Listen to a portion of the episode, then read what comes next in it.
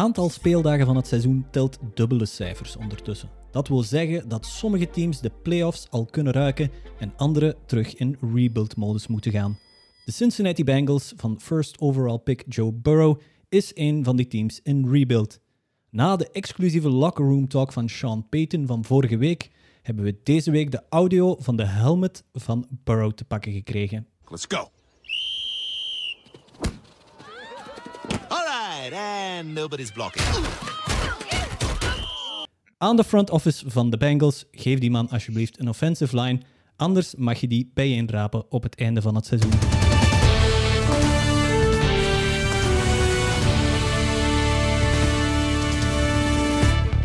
Dirk, jij bent er vandaag ook weer bij. Ehm, ik heb ondertussen wel begrepen dat jij een, op een heel speciale manier aan het podcasten bent. Ik zit bijvoorbeeld achter een bureau, maar eh, jij zit eh, op een speciale plaats.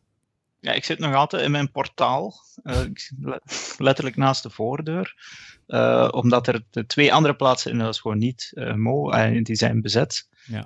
mijn bureau kan ik niet gaan zitten, want daarnaast slaapt mijn dochter. En mijn, mijn mancave in Wording, de zolder, uh, die is gewoon nog niet af. Dus daar moet ik dringend tijd van uh, werk van maken. Ja. Uh, maar tot dan kan je mij dus eigenlijk hier letterlijk achter het raampje zien zitten, naast mijn voordeur. Dus het is niet echt een zicht, maar het, is, het, het, moet maar even zo. Ja, ja, ja. En dan hebben we deze week ja, een, een, ja, terug van ooit in de podcast geweest, Jurgen Nijs van Eleven Sports. Goedenavond, Jurgen.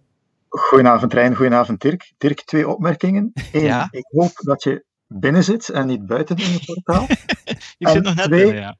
En twee, mocht je binnen zitten, dan hoop ik dat er geen rood lampje naast jou brandt ergens. Uh, Want dat ja, zou ook slechte klein... ideeën kunnen geven, natuurlijk. Kleine fun fact, ja ik, ja, ik zit nog in verbouwingen, dus in dit lokaaltje is ook niet echt verlichting. Dus hier staat één grote staande lamp.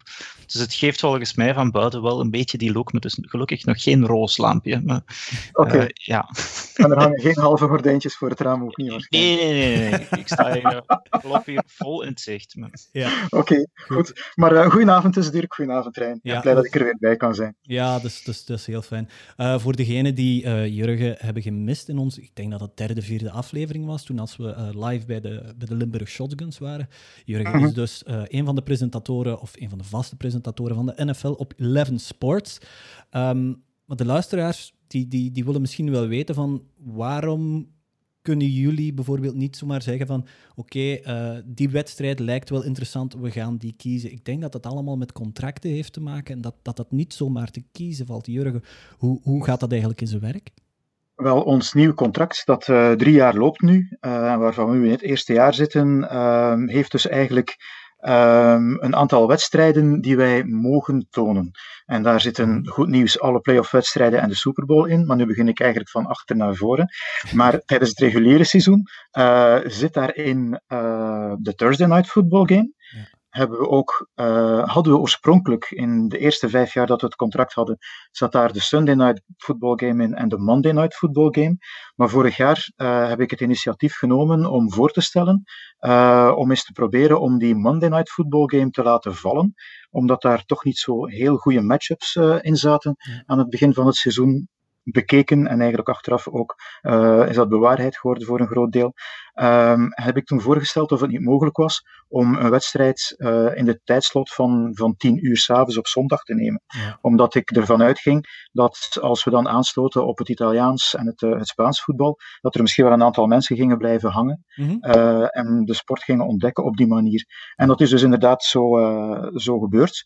hebben we ook kunnen zien aan het aantal leden dat gestegen is in onze groep, de Eleven Sports NFL Facebook groep, ja. waar de mensen trouwens ook vragen kunnen stellen tijdens de wedstrijden. Maar dus nu is het zo dat uh, op dinsdag uh, krijgen wij een mail van NFL International. En daarin uh, worden dus de wedstrijden aangeboden waaruit wij kunnen kiezen om te tonen. En daar zit dus die Thursday Night Football Game in. Daar zit de Monday Night Football Game in, die we dus niet meer tonen. En de Sunday Night Football Game. Ja. Dus Thursday Night en Sunday Night, die liggen sowieso vast. En daarnaast worden er ook nog twee wedstrijden aangeboden van de tijdslot van 7 uur s'avonds en twee van de tijdslot om 10 uur s'avonds. Dus in principe voor de wedstrijd van uh, 10 uur kunnen wij kiezen uit twee wedstrijden en daar proberen wij altijd de interessantste uit te halen. In het begin van het seizoen houden we er rekening mee dat we proberen om zoveel mogelijk NFL-teams te tonen. Dus ploegen die naar het einde van het seizoen naar ons aanvoelen en naar de voorbeschouwingen die op de American Football Community Belgium geschreven worden, die niet meer in aanmerking komen voor de playoffs, die proberen we zoveel mogelijk in het begin van het jaar te nemen. Maar naarmate het seizoen vordert, worden het natuurlijk telkens matchups uh, die belang hebben naar de playoffs toe. En vandaar dat we dan die keuze maken. Zo hebben we nu bijvoorbeeld volgende zondag Um, dus Thursday night heb je sowieso al de Cardinals tegen de Seahawks, ja, ja. wat er eentje is om naar uit te kijken. Ja. En dan uh, zondagavond om 25 over 10 uh, hebben we de Packers en de Colts, wat ons een betere wedstrijd leek dan de Cowboys tegen de Vikings. Sorry voor de Cowboys en de Vikings fans. En dan uh, de Sunday night game is dan Chiefs at Raiders. De Chiefs die gaan proberen weer wraak te nemen, neem ik aan, voor hun enige nederlaag tot nu toe. Verrassend toch wel toen ze thuis verloren van, van de Raiders. Dus dat is nu hoe er gekozen wordt. Um, we hebben ook al de keuze voor volgende week. Um, volgende week, week 12, is dan een speciale week, omdat Thanksgiving daarin zit. In ons contract zit ook dat we de drie wedstrijden van Thanksgiving mogen uitzenden, dus dat doen we dan ook. We beginnen dan om 6.30 uur met uh, Detroit, dat thuis de Houston Texans ontvangt. Daarna om 10.30 uur is dat, denk ik, uh, hebben we Dallas-Washington. Dus een, uh, een matchup in de NFC Least. um, maar een goede opwarming voor dan de, de return game tussen de Steelers en de Ravens, die dan om 2 uur 20 gespeeld wordt, de nacht van donderdag op vrijdag. Mhm. Mm -hmm. En dan hebben we zondag uh, de wedstrijd van 25 over 10, is ook wel een leuke, denk ik. Dat zijn de Kansas City Chiefs tegen de Tampa Bay Buccaneers. Oh, Mahomes ja. tegen uh, Brady. En dan de Sunday night game. Uh, dat wordt dan, moet ik even denken, de, de traditional rivalry, de Bears tegen de Packers. Ja. Dus dat zijn eigenlijk de wedstrijden die we de komende weken uh, op het programma staan hebben. En ik denk dat daar toch wel een, heel, een aantal heel goede tussen zullen zitten. Mm -hmm. Ja, ik denk wel inderdaad een goede keuze om die, die wedstrijd van 25 naar 10 mee te pakken. Mm -hmm. uh, als ik voor persoonlijk mag spreken, ja, dat is een wedstrijd die ik altijd het begin van kan zien. En ik ga Mhm. mm -hmm. meestal het einde wel, wel niet, moet ik eerlijk gezegd toegeven. Ofwel het einde, maar ik mis ergens in het midden altijd een stukje. Maar, uh, en, en, een spannende wedstrijd is, hoor je mij meestal wel roepen. Dus, uh, ja. ja. ja, en ik denk ook, waar je een heel goed punt hebt, is van dat je mensen in de sport inleidt. Uh, Ja. Ik ken zo wel een aantal mensen die inderdaad uh, ja, dat je dan mee aan de praat geraakt en ja, je volgt ook voetbal, hoe ben je er ooit bij terechtgekomen? En dan is dat meestal een heel atypische uh, een, manier. Of je hebt een link met Amerika, dat is dan dikwijls. De, maar dan, soms is het gewoon, ja, ik heb dat dus ergens op tv gezien en ik ben dat beginnen volgen. En dat is dan ja, op, op Eleven of, of vroeger op, op ik weet niet wat die kanalen vroeger juist allemaal heten. Maar... Uh, Telenet. Ik ben, Op, ja. begonnen, ik Ja, ben in de tijd nog begonnen op uh, Kanaal bij Plus? Filmnet. Ja. En dat Ja. was dan Supersport. Oh ja, ja, dat is al even geleden. Ja. Daar is het Eh, allemaal begonnen. Dat is een dikke 25 jaar geleden, Ja. geloof ik. Maar zo, zo leid je inderdaad de mensen een beetje in in de sport. En, en dat, als je geluk hebt, dan blijven ze hangen en dan gaan ze zich ve- verder verdiepen in de NFL natuurlijk. Ehm, maar ik denk inderdaad dat je zo wat mensen binnentrekt, want het is voor de, de modale fan hier in, in Vlaanderen of in Nederland, denk ik. als je niet, de sport niet kent, dan zie je het één keer per jaar, denk ik, eh, dat, dat eh, over de, de Super Bowl halftime show iets wordt getoond. En, en that's it eigenlijk. Hè. Of, of er moet iets heel speciaals gebeuren. Ja. Ehm, maar op, op dat vlak is het goed dat jullie er zijn, natuurlijk. Vandaar ook dat wij eigenlijk al van in de tijd met Telenet, uh, eerst gebeurde het gewoon nog met e-mail, nu gebeurt het al via Facebook, uh, dat wij ook de mensen de kans geven om tijdens de wedstrijd vragen te stellen. Ja. En dat we die vragen dan ook proberen te beantwoorden tijdens de wedstrijd. En nu is het leuk om te zien uh, in die Eleven Sports NFL groep, um, dat ook al kijkers de vragen van andere kijkers beantwoorden. Dat maakt het voor mij Ja. ietsje makkelijker. Maar het, Ja. het, zorgt er ook voor dat, uh, want ik weet dat dat sommige die-hard fans soms op de zenuwen werkt, uh, dat dingen die zij al lang weten, dat die dan nog eens herhaald worden tijdens zo'n wedstrijd. Dat kan soms wel op de heupen beginnen werken.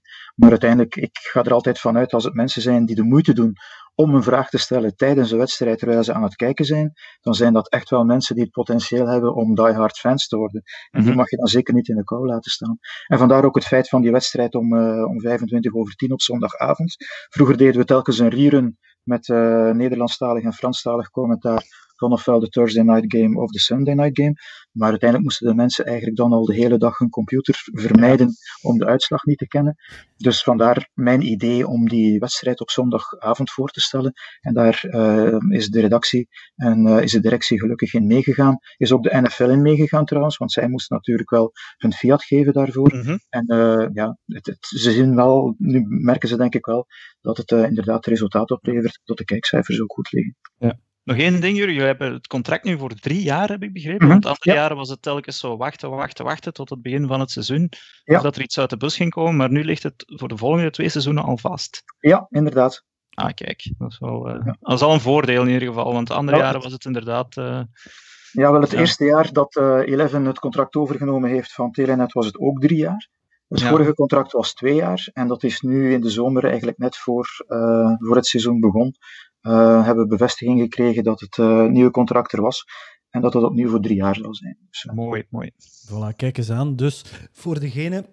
Amai, even hoestaanval. Oké, okay, gezond blijven.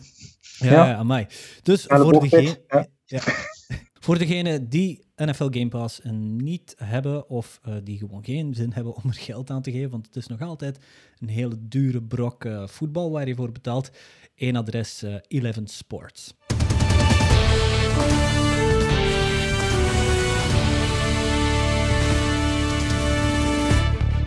Eigen stoef stinkt, zeggen ze soms al wel eens, maar af en toe mag dat wel. Onze eerste 5-sterren review is een feit. En dan nog wel van een Noorderbuur. Uh, via Apple Podcast kwam Dirk een review tegen van een luisteraar met de naam uh, Ronald TB. Uh, Dirk, hoe ben jij bij die, bij die, bij die review terechtgekomen? ja, om, omdat ik ja, deelneem aan de podcast. check ik elke week toch eens of, of er luisteraars zijn. Gelukkig zijn die er ook. En heeft zelfs dus één iemand de moeite gedaan uh, om ons te belonen met vijf sterren uit vijf sterren. Dus daar zijn we heel tevreden mee. Want we, ja, je hebt soms toch het gevoel dat je gewoon tegen een microotje uh, zit te babbelen. Ik weet dat Jurgen toen uh, nog eens in februari zei van ja, de micro bijt niet. Ondertussen heb ik daar zeker geen last meer van. uh, ja, ja. Maar het is toch fijn dat, dat, dat, dat de, de, de, de, tijd dat we hier eigenlijk insteken, dat die, dat die geapprecieerd wordt. Ja. Uh, dus, dus inderdaad, we, als, als we zo'n review krijgen, dan, dan gaan we dat toch even, ja. even vermelden ja. en, en, zeggen dat we er dankbaar voor zijn. Frans die zei deze week, um, wat was het in onze, in onze Slack-groep, van ja, je moet je gewoon eens voorstellen, dacht jij bijvoorbeeld vijf, zes jaar geleden dat er mensen ook al zijn er dat maar, uh, we, we, zitten ergens tussen de 100 en de 200 luisteraars elke week. Uh, kan je je voorstellen dat er mensen een uur of anderhalf uur, zelfs in het, in het geval van ons, uh, naar uw mening over voetbal willen luisteren? En inderdaad, dat zet een beetje alles in perspectief dat, uh, allee, dat, dat, dat, het, dat het best wel aangenaam is dat, dat mensen inderdaad hun mening, hun mening geven. Hij, hij beschrijft de podcast, dus Ronald TB, nogmaals, Ronald TB, bedankt, als goed geproduceerd, degelijk en goed verstaanbaar. En dat komt dan een van, van, van, een van, van onze Nederlandse vrienden. Ik denk wel dat dat ja, het grootste compliment is dat je kan krijgen van een Noorderbuur. Hij zette zelfs uh, Vlaamse tongval en hij zette er een haartje voor. Dus, uh, en, en, met Jurgen erbij vandaag denk ik dat we nog meer punten gaan scoren in de categorie verstaanbaarheid en het uh, algemeen Nederlands accent. Dus uh, Jurgen, bedankt voor ons terug wat, wat hoger in niveau te pushen op dat gebied. Hè. Dat is heel graag gedaan, natuurlijk. Hè. Ja, ja. Zij zou willen dat ik in het West-Vlaams begin, dat kan ook, maar dan ja. zullen onze noorderburen ons wellicht niet meer begrijpen en dat kan niet echt de bedoeling zijn, natuurlijk. Ik denk dat er letterlijk niemand in heel België of heel Vlaanderen is die kan horen dat jij een, een, een West-Vlaming bent. dat, dat, dat, streelt mijn ego, dank je. dus ja, we gaan proberen zo'n beetje in de lijn van de, de, de Pixix Pix podcast gaan we de moeite doen om, uh, als er leuke reviews verschijnen, zij het vijf sterren, het kunnen er ook minder zijn, om die te vermelden uh, tijdens de uitzending. Uh, ja, gewoon een minimum van ja, drie zinnen, dat is toch uh, een, een, minimum dat we, dat we vragen. Dus stuur ons gewoon een link van die review, een screenshot. En ik beloof trouw aan mijn Packershart dat ik die review of iemand anders zal vermelden. Mag ik toch nog even zeggen dat het mijn ego streelde, omdat ik wel fier ben om West-Vlaming te zijn? Ik ken weinigen dat voor alle, niet. Dat voor alle duidelijkheid er toch nog eens bij vermelden. Hè. Het, is, is gewoon het, het Ja. taalgebruik. Ik vind dat wel leuk om met woorden te spelen en zo. Ja. En dan is het, eh, blij, ben ik blij dat, eh, dat het op die manier ook eh, vlot klinkt en vlot gaat natuurlijk. Voilà. We gaan over naar ons brokje college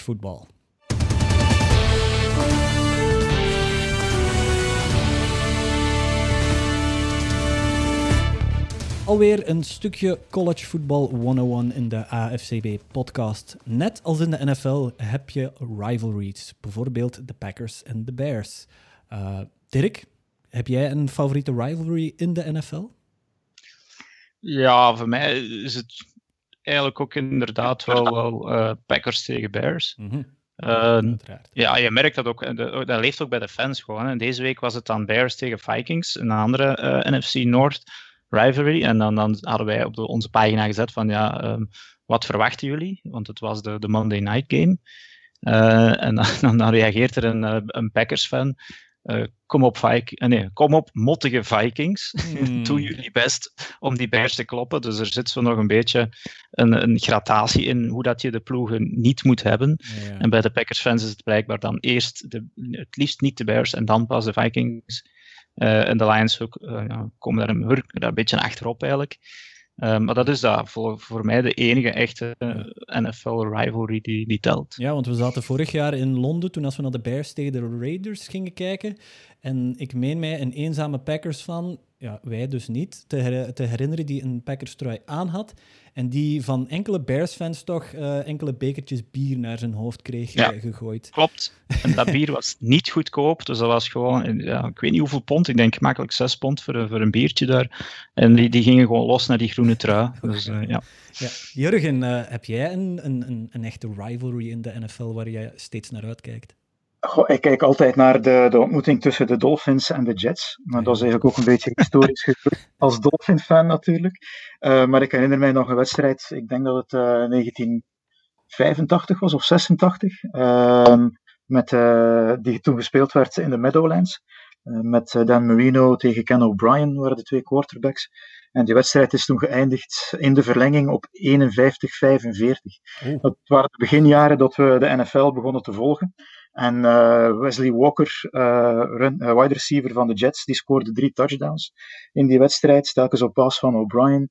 Ehm, en als je dan achteraf eh, hoort dat hij eigenlijk legaal blind is op één oog, dan denk je van, oké, dit is toch wel een prestatie eh, voor the ages. Ja. Maar er was die wedstrijd, maar dan later, eh, toen ik al voor Telenet de Monday Night Football game van commentaar voorzag, was er ook die memorabele matchup waarbij de Dolphins op een gegeven moment, en nu komen ze zo'n beetje in het territorium van de Falcons en de Patriots in de Super Bowl, maar nog een beetje erger.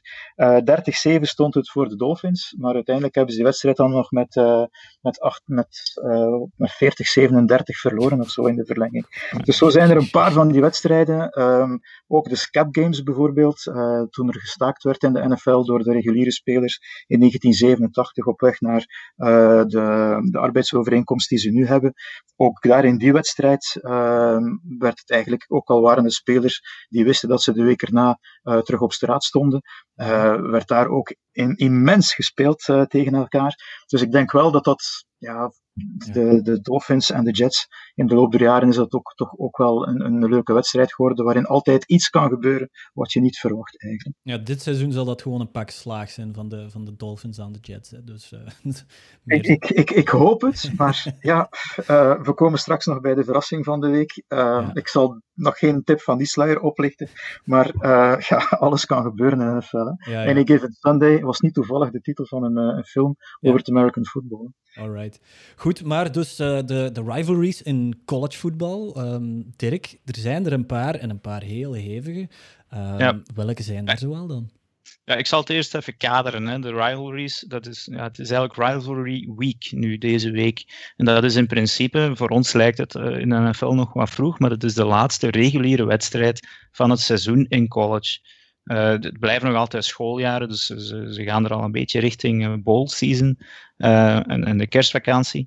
Dus eigenlijk is deze week, maar het is een beetje een vreemd jaar door COVID, zou het de laatste wedstrijd van het seizoen, van het reguliere seizoen moeten zijn. En dan het hele speelschema door het jaar. Is meestal anders dan het jaar ervoor, maar die laatste week is voor heel veel scholen dezelfde wedstrijd, de rivalry. Ja. en, en dat gaat ook al, al lang terug. Als ik nu de eerste rivalry erbij neem, Army tegen Navy, dan ga je al denken, huh, college. Uh, dan moeten we terug naar 1890, dat is die eerste wedstrijd die gespeeld wordt. En dat is eigenlijk een beetje de, de historische grootste rivalry in college voetbal. De Army Black Knights tegen de, de Navy Midshipmen. En dat zijn dus eigenlijk echt gewoon de twee branches van het legerginder die tegen elkaar spelen. Dat, dat is ook college, die zijn nog in opleiding, maar na hun college carrière uh, gaan ze eigenlijk niet naar de NFL. Maar gaan ze in hun militaire dienst en kunnen ze in ja, Irak, Afghanistan of ik weet niet waar terechtkomen. Um, maar daarvoor spelen ze dus nog even vier jaar voetbal als het even kan. Mhm. En het is echt wel ja, een, echt een historische match. Je ziet dan in dat stadion, langs de ene kant zitten allemaal ja, de, ik zal zeggen de, de, de soldaten en langs de andere kant de, ja, de, de Navy, wat is het juist? De, de, ja, de marine. Maar het is niet de Marines, hè. Het is, het is echt... Uh, niet Marines, maar mariniers. Mariniers, ja, ja, ja oké.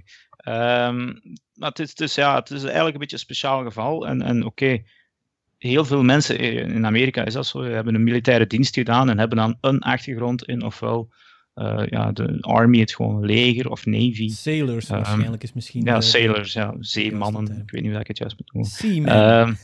ja, seamen. Uh, nee, en, en, dus dat is dan, ja, als je dus een beetje een achtergrond hebt, of je hebt iemand in de familie, dan steun je een van die twee branches van het leger en de rest van het jaar telt eigenlijk niet. Want dan steunen ze natuurlijk uh, ja, heel het land onder de vlag, maar die ene dag telt dan eigenlijk. Ja, ja. Alleen maar die wedstrijd. Um, Army is meestal de sterkste. Zij leiden die rivalry. En als je dan, dan de record bekijkt, 60, 52 en 7. Ja. um, en ook uh, misschien, ja, dat is een speciaal geval. In 1963 tijdens die wedstrijd werd voor het eerst ter wereld instant replay gebruikt. Dus een herhaling getoond van een sportmoment, wat voor een speciaal moment moet dat niet geweest zijn, ja. al bijna 60 jaar geleden. Maar hoe hoog is um, dat niveau dan eigenlijk, bijvoorbeeld bij een Army versus Navy? Dat is vrij hoog. Soms, uh, ik had vorige week verteld dat die, in college zijn er rankings die eigenlijk gebruikt worden in tegenstelling tot de NFL om ploegen te klasseren. En, en die ploegen staan regelmatig in die top 25, want dat zijn ja, die, die mannen die in de, de militaire dienst terechtkomen, zijn natuurlijk niet van de poes. Uh, daar zit regelmatig goed volk tussen. Dus uh, andere jaren, ofwel Army ofwel Navy, zit al wel eens in die top 25. Ja. Uh, maar natuurlijk niet zoals bij die andere teams. Misschien ook nog even aanvullen, Dirk. Uh, ze doen dan wel eerst hun legerdienst, maar er zijn er toch een heel aantal die daarna ook in de NFL terecht ja, ja, klopt. Er zijn wel wat uh, Hall of Fame uh, mannen die, die eigenlijk uh, die, die, die, uit die wedstrijd, uit, uit die teams komen. Ja. maar ze hebben nog wel een verplichting van hun, ja, hun ja. legerdienst eigenlijk te vervullen. Nu, de eerste die, die mij in gedachten komt is Roger Staubach, quarterback geweest van de Dallas Cowboys, ook winnaar van Super Bowl. Toevallig ook in de tijd dat ik commentaar gaf, Chad Hennings. Ja. Die kwam eigenlijk van, van Air Force. Uh, die had missies gevlogen in, uh, in Irak en, en Kuwait en dergelijke. Met de Warthog, met de Thunderbolt. Ja, ja, dus dat was eigenlijk lage vluchten, bombardementsvluchten. Die is dan defensive lineman geworden bij de Cowboys. nu Alejandro Villanueva, die nu bij de Steelers speelt. Die heeft twee toeren gedaan in Irak. Die heeft een heel aantal medailles gekregen, onder andere voor het redden van, uh, van, van zijn manschap, want hij was uh, kapitein uh, onder vijandelijk vuur. Mm -hmm. ja. En dan te bedenken dat die man eigenlijk zijn eerste stappen in het American football hier in België gezet heeft.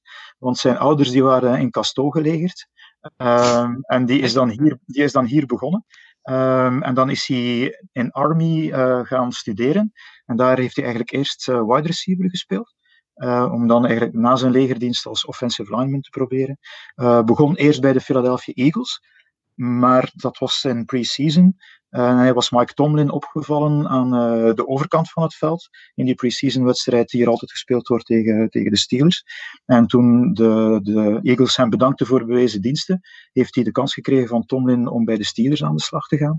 Ehm, eerst met de practice squad, maar nu is hij eigenlijk een mainstay op die offensive line en is hij toch wel een van de betere spelers daar in, dat, in die Steelers dit jaar. Ja.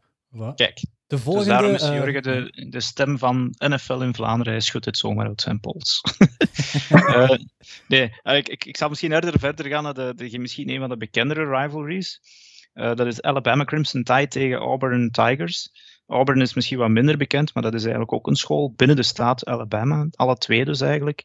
En die kunnen elkaar echt, echt niet, niet zien of rieken. Ehm, dat, is, dat is echt, ligt heel gevoelig of dat je voor een van die twee bent. Uh, ik denk dat Alabama leidt 46, 37 en 1. Maar um, vorig jaar heeft Auburn uh, Alabama wel geklopt. En dat is dus omdat het de laatste wedstrijd van het jaar is. En zoals dat je weet in college, elk verlies kan fataal zijn om deel te nemen aan, aan de playoffs. Uh, heeft het uh, toch al wel eens gescheeld dat een van die twee ploegen verliest en daarom een kans op een nationale titel verspeelt. Mm. En dat geeft ook een paar memorabele momenten. Ik denk um, 1972 uh, stond, ik denk, Alabama 16-3 voor. En Auburn blokt twee punts die alle twee voor een touchdown teruggelopen worden. En sindsdien is een uh, punt bij mijn punt een bekende supporters uh, ja, roep eigenlijk ten opzichte van de Alabama fans. En iets dat ik zelf nog weet, want 1972 was ik er in ieder geval nog niet bij, is uit 2013 de zogenaamde Kick Six, waarbij dat eigenlijk Alabama in de laatste seconde nog een field goal trapt um, van redelijk ver. En het, het moest het eigenlijk dat ik het niet per se doen. Um, om, maar omdat het van redelijk ver was, het stond gelijk. Um, ze wouden eigenlijk de wedstrijd winnen in de laatste seconde. Um, had Auburn in, een man onder de, onder de doelpalen gezet. En die kerel heeft uh, die bal die net te kort viel voor 109 yards teruggelopen voor de winning touchdown. Moet ik, moet, die, moet ik die audio misschien eens even opzetten? Want ik, ik meen inderdaad dat je erover bezig was.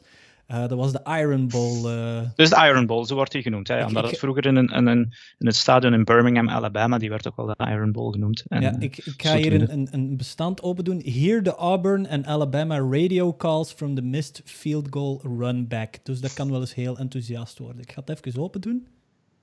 All right, here we go.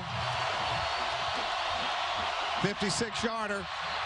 It's got, no, does not have the leg. And Chris Davis takes it in the back of the end zone.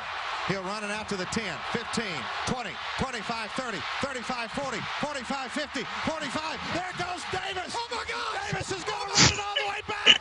Auburn's going to win the football game. Auburn's going to win the football game.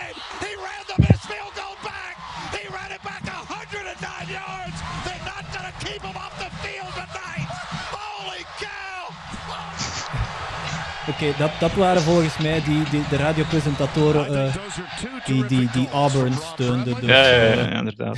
Uh, dus ik ja, dat, dat leeft, een beetje in te herkennen soms. Ja, nee, allee, dus om, om maar aan te geven hoe gevoelig dat zoiets kan liggen, de, de, die, die radiopresentatoren, dat zijn dan duidelijk ook mannen die bevooroordeeld zijn, dat, dat hoor je dan wel. Ja, ja maar daar moet ik wel een opmerking bij maken. Je hebt er altijd twee, hè? Ja, ja, ik weet De opnames ja. van de ene, de andere, die zullen wel veel minder enthousiast geklonken hebben, neem ik aan. Ja, Want soms, klopt. ik weet niet of dat nu nog het geval is, maar uh, op de NFL-network vroeger, tijdens de pre-season wedstrijden, um, was het zo helemaal in het begin was dat, uh, dat we de wedstrijden te zien kregen toen nog uh, hier op, op Sky, de Engelse zender. dat ze de ene helft lieten ze de commentatoren van de ene ploeg aan het woord en de tweede helft waren dan de commentatoren van, de an van het andere team. Hmm. En dat was ook wel leuk om dat, dan het contrast tussen de beide te horen. Ja. En omdat je dan ook eigenlijk van, van beide teams weetjes te weten kwam die eigenlijk alleen maar zij uh, konden kennen, omdat zij eigenlijk midden binnen het team stonden natuurlijk. Hè. Maar vandaar, uh, neem het altijd met een korrel zout als je radiocommentaar hoort, want je weet, als het zo enthousiast is, is er nog een ander duo dat veel minder enthousiast aan de gang is natuurlijk. Ja, Dirk, ja. Uh, welke rivalries hebben we zo nog in het college voetbal? Ja, dan misschien de grootste, en dat is dan misschien letterlijk zo, is zijn de Michigan Wolverines en de Ohio State Buckeyes. Mm -hmm. Die spelen dus ook altijd op, op een op die laatste speeldag tegen elkaar wordt ook gewoon wel The Game genoemd. Uh, en, en ja, dat zijn twee, twee gigantische fanbases. Hè. Uh, twee stadions van meer dan 100.000 man. Dus één jaar wordt het uh, in, in, in de Big House gespeeld in Michigan en de andere het andere jaar in de, de Horseshoe. Denk twee stadions, denk 100.000, 110.000 man telkens gevuld tot de nok. En, en ja, ook, ook daar, je mag elkaar de school. Eh, er zijn huwelijken volgens mij die erover vallen, of, of relaties die zelfs niet ontstaan, gewoon omdat de ene van de ene school is de ander van de andere school. Er, er, ja, het, het, het, ligt soms echt zo gevoelig dat je de, de, de M van Michigan mag je niet, niet schrijven of uitspreken in Ohio State. Uh, maar langs de andere kant wordt Ohio State dan weer vrij. Ik heb het al eens het anderlicht van, uh, van het college voetbal genoemd. Wordt uh, een beetje met misprijzen aankeken. Hmm. En dat is langs de ene kant zo, omdat ze, ja, ze winnen ook heel veel. Uh, dus heel veel spelers worden naar de NFL gestuurd vanuit Ohio State. En ze hebben ook wel een zekere arrogantie met zich, die Ohio State fans. Ehm, en ze hebben ook al de laatste acht wedstrijden nu gewonnen. En bij Michigan is wel een bekende naamcoach, dat is Jim Harbaugh. Um, de broer van John Harbaugh, de coach van de, uh, de Baltimore Ravens. Maar Jim heeft dus al acht jaar uh, op zijn doos gehad. En als je het mij vraagt, want ze zijn dit jaar weer niet zo goed bezig, is hij aan een van zijn laatste jaren bezig bij Michigan. Ja, ook verloren van Michigan State, wat hem ook niet in dank afgenomen is, denk ik. Nee, nee ja, dat is dan zo de tweede rivalry binnen de ja. staat Michigan. Uh, Michigan State, ja, die zijn normaal gezien zijn, moeten die echt wel minder zijn. Uh, die zijn nog iets minder hoog aangeschreven dan Michigan. Uh, maar ja, dus ik denk Harbaugh, het, het is daar bijna gedaan. Ja, ik die Michigan, Michigan State, daar is ook een legendarische play. Hè. Ik weet niet of dat... Moet ik het, uh, moet ik het laten? Ja, dus misschien voor een andere keer. Ik zal misschien volgend jaar bij college football. Dat is een schitterende play, maar die zullen we nog even voor later bewaren. Voilà. Dirk, zijn er nog uh, rivalries? Ja, dit, nog veel. Ik zal ze nu kort noemen. Oklahoma, Texas, dat is de Red River Rivalry, maar die wordt in het midden van het seizoen gespeeld in, in Dallas. Um, dan heb je nog ja, Georgia tegen Florida, maar die wordt ook midden van het seizoen gespeeld. Die, die kunnen mekaars bloed echt ook wel drinken. Dat wordt ook altijd in hetzelfde stadion gespeeld, niet in een van de twee stadions van de twee teams. Um, ja, ik denk Florida, Florida State wordt bijvoorbeeld ook uh, dit weekend normaal gezien gespeeld als er geen COVID-uitstellen zijn. Dat zijn zo van die wedstrijden die, die heel hard leven, Ginder. Mag ik toch nog eventjes inspringen? Tuurlijk. Ja. Hadden over uh, Jim Harbaugh, die misschien op zijn laatste benen staat bij Michigan. Met de vacatures die er vrijkomen in de NFL zou er een terugkeer in zitten, want uiteindelijk met de 49ers heeft hij het wel heel goed gedaan. En was het enkel door, uh, door ruzie eigenlijk met het management, dat nu al vertrokken is daar, dat hij toen vertrokken is naar Michigan. Ja. Um, heeft Super Bowl gehaald. Hè? En dan ja, door de laatste paas van Kaepernick, die niet gevangen werd door Crabtree. Twee ja. keer zelfs daar in New Orleans in Super Bowl 47. Ja. Um, zie je hem nog teruggaan naar de NFL nu, Harbaugh? Ja, ik, ik, ik denk het eigenlijk. Hij, heeft, het, is nu geen, hij is nu van sinds 2015 coach daar in Michigan. Uh -huh. uh, want hij kwam rechtstreeks uit de NFL van de Niners. Maar hij heeft eigenlijk sindsdien daar geen enkele trofee of iets dergelijks behaald. En, en ik, ja, het is dus niet dat hij zo'n zo adelbrief de laatste vijf jaar kan voorleggen om te zeggen, oké, okay, die wordt direct langs de grote poort als headcoach terug binnengehaald in de NFL. Er zijn vacatures, maar ja, ik zou denken dat het dan eerder uh, uh, een andere een andere, call, een andere college team zou zijn of een, een, een assistance job. Um, ja, toen, hij, bin, toen hij, binnenkwam in de NFL had hij ook niet echt veel adelbrieven voor te leggen. Hè? Nee, nee. San Diego State en daarna wel Stanford. Maar echt uitblinken deed hij daar ook niet, dacht ik toch? Nee, ja, het is een naam natuurlijk. Hè. En heeft, uh, het zou kunnen, want ja, er zijn wel vacatures en uh, BNMI kan niet overal beginnen, denk ik dan. Nee. Uh, dus, en, en, er vallen nog een paar vacatures op het einde van het jaar, normaal gezien. Dus het zou kunnen. Maar hij moet dan eerst nog wel bij Michigan ontslagen worden, natuurlijk. Hè. ja, natuurlijk. Niet wel, vergeten, een college voetbal head coach zijn de best betaalde uh, coaches van, van het land, eigenlijk. Hè. Mm -hmm. dus, dat ja. zijn in, in, die staten in het zuiden, dat zijn de best betaalde mensen gewoon, toekoer. Uh, buiten dan misschien de, de grote corporate bazen, maar uh, dat, zijn, dat zijn lonen om van achterover te vallen. Ja. Maar goed, ja, ik, uh, ja, het is zeker iets om in de gaten te houden, denk ik. En telkens ik het resultaat van Michigan zie en ik zie dat ze opnieuw verloren hebben, dan denk ik, ja, oké, okay, een stapje dichter bij de uitgang. Want ja. het kan niet blijven duren, natuurlijk. Nee.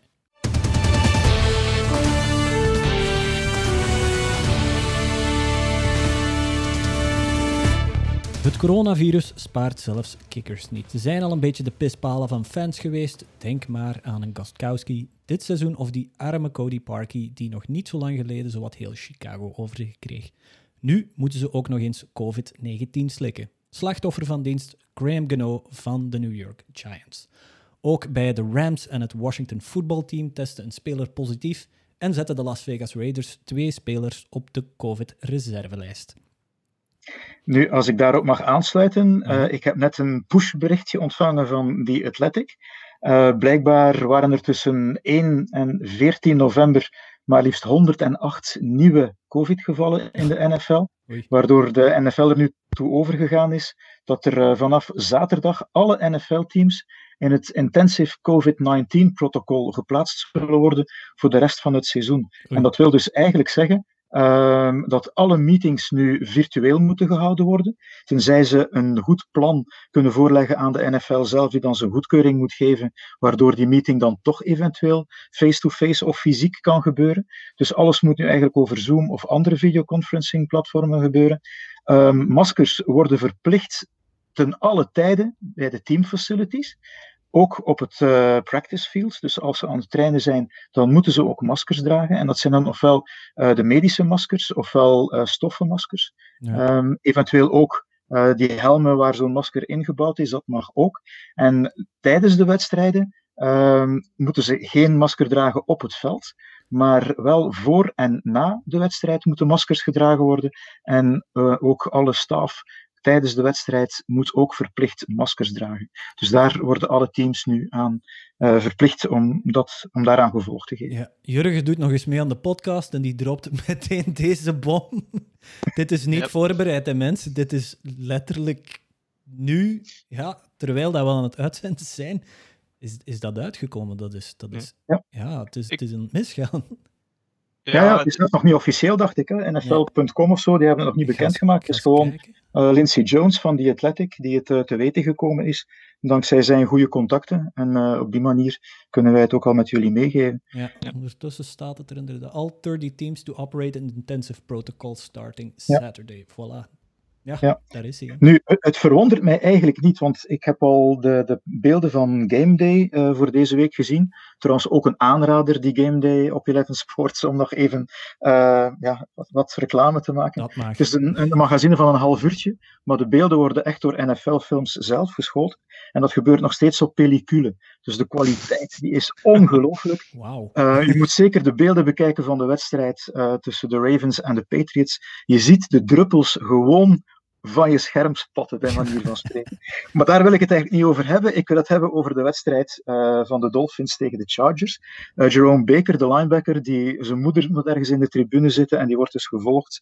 Uh, en hij zoekt zijn moeder en hij zoekt zijn moeder. Maar na een play komt hij naar de zijlijn, heeft hij zuurstof nodig en pakt hij zo'n zo'n masker en begint hij daarin te ademen om terug op, op adem te komen. Mm.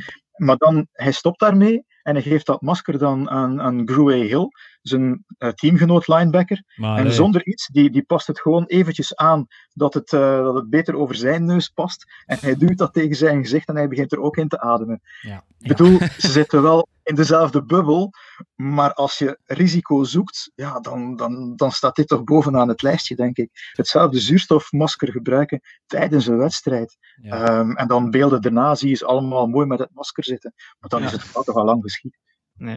Ja, ik hoop voor ons fans in ieder geval dat het, versta het gezond verstand zal zegevieren. En dat we een, een play-off in de bubbel krijgen. Ja. Zoals in de, de NBA of in de NHL. Waarbij dat eh, alle ploegen die in de play-off zitten op afzondering moeten. En eh, het maar eens een maandje zonder hun, hun, eh, hun naasten eh, moeten kunnen stellen. Of Ja, dat die naasten bij in de bubbel komen, maakt mij niet uit. Ehm, maar volgens mij zullen er toch zo'n dingen moeten gebeuren om, om, om echte drama's te gaan voorkomen. En worden dat er dan 14 of 16 teams? Dat zal er dan nog van. Ik, ik hoop 14, want met, met 16 ga je toch echt de poort openzetten naar. eh, ja, Ja, het is ooit zo geweest. teams. Nee, Ja. 1982 was ook een seizoen waarin maar negen wedstrijden gespeeld werden. eh, door de staking ook, de eerste toen. En toen hebben ze ook eigenlijk met, eh, met zoveel teams de play-offs gespeeld. Hè. Ja. Dus eh laat ons hopen dat dat niet het geval is. Maar, Nee, ja. ik, ik vond dat extra team, eh, die extra twee teams eigenlijk, van 12 en 14, al een beetje over de top. Maar goed. Wel, ik vind het wel goed omdat er nu extra gespeeld wordt voor die, die eerste plaats. Ja, dat wel. enige- Ja, dat het enige team is dat, eh, dat eigenlijk vrij zal zijn die eerste week. Dus daar wordt nu toch wel hard voor gespeeld, denk ik. Want anders ehm, zie je teams zoals nu de Steelers bijvoorbeeld, die gaan blijven doorgaan om zeker te zijn van die plaats. Want die wordt op maar op één wedstrijd gevolgd door de Chiefs. En die zullen zeker proberen om geen steek te laten vallen. Dus neem nu dat die situatie nog altijd zo is in, eh, in, in week 17 hopelijk dan, de laatste wedstrijd van het reguliere seizoen, dan gaan die geen starters laten rusten als ze zouden eh, het, het risico lopen om te verliezen en dan bijvoorbeeld die, die eerste plaats kwijt te geraken. Klopt. Ik had gehoopt dat het COVID-stukje van vandaag ietsje korter ging zijn. Maar ja, het, lot heeft, er anders, heeft er anders over beslist. Alright, um, we zullen zien hoe dat dit uh, verder evolueert. U kan het uh, volgen op zowel de Facebookpagina van uh, NFL van Eleven Sports en de American Football Community Belgium Facebookpagina.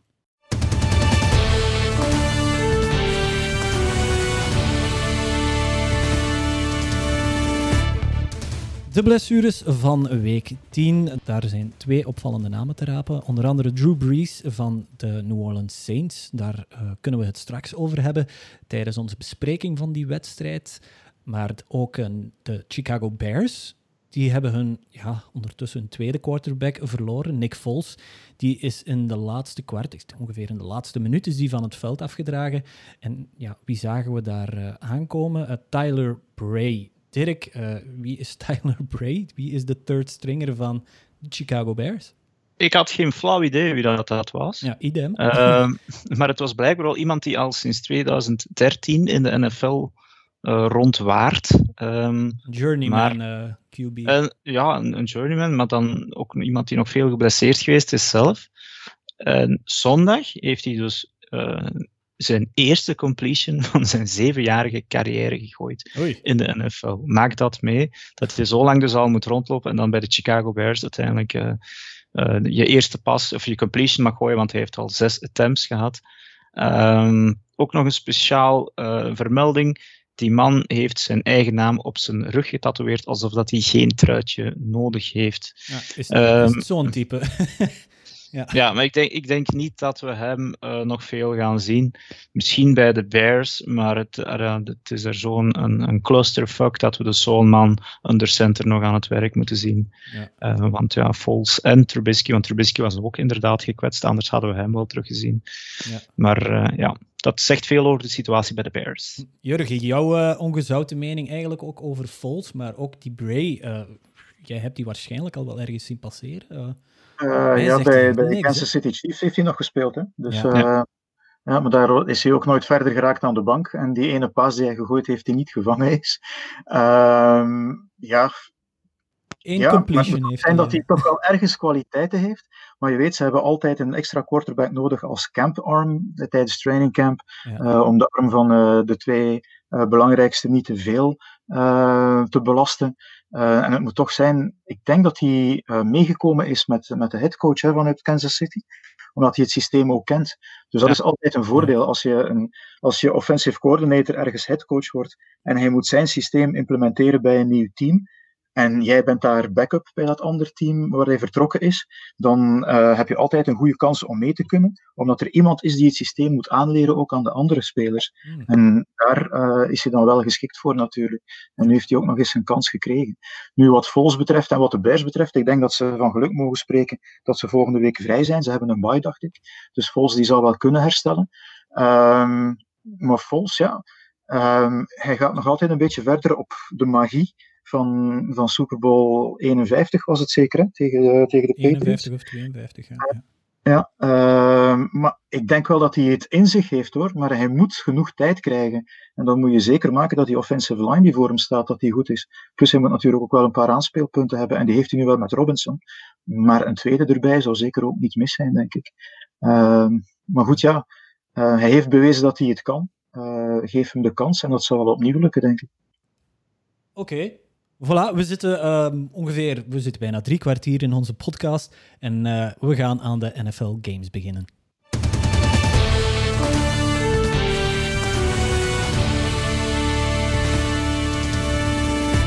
Come on, please. Go get him. Get him, get him, get him. Get him, get him! Get him, sick! Oh my gosh. No, no, no! He's got it. He's got it. No! Ja, dat was de reactie van een paar Bills-fans die we online hebben gevonden. Uh, als je de NFL volgt en je hebt uh, deze fase nog niet gezien, ja, dan heb je de laatste dagen onder een steen gelegen.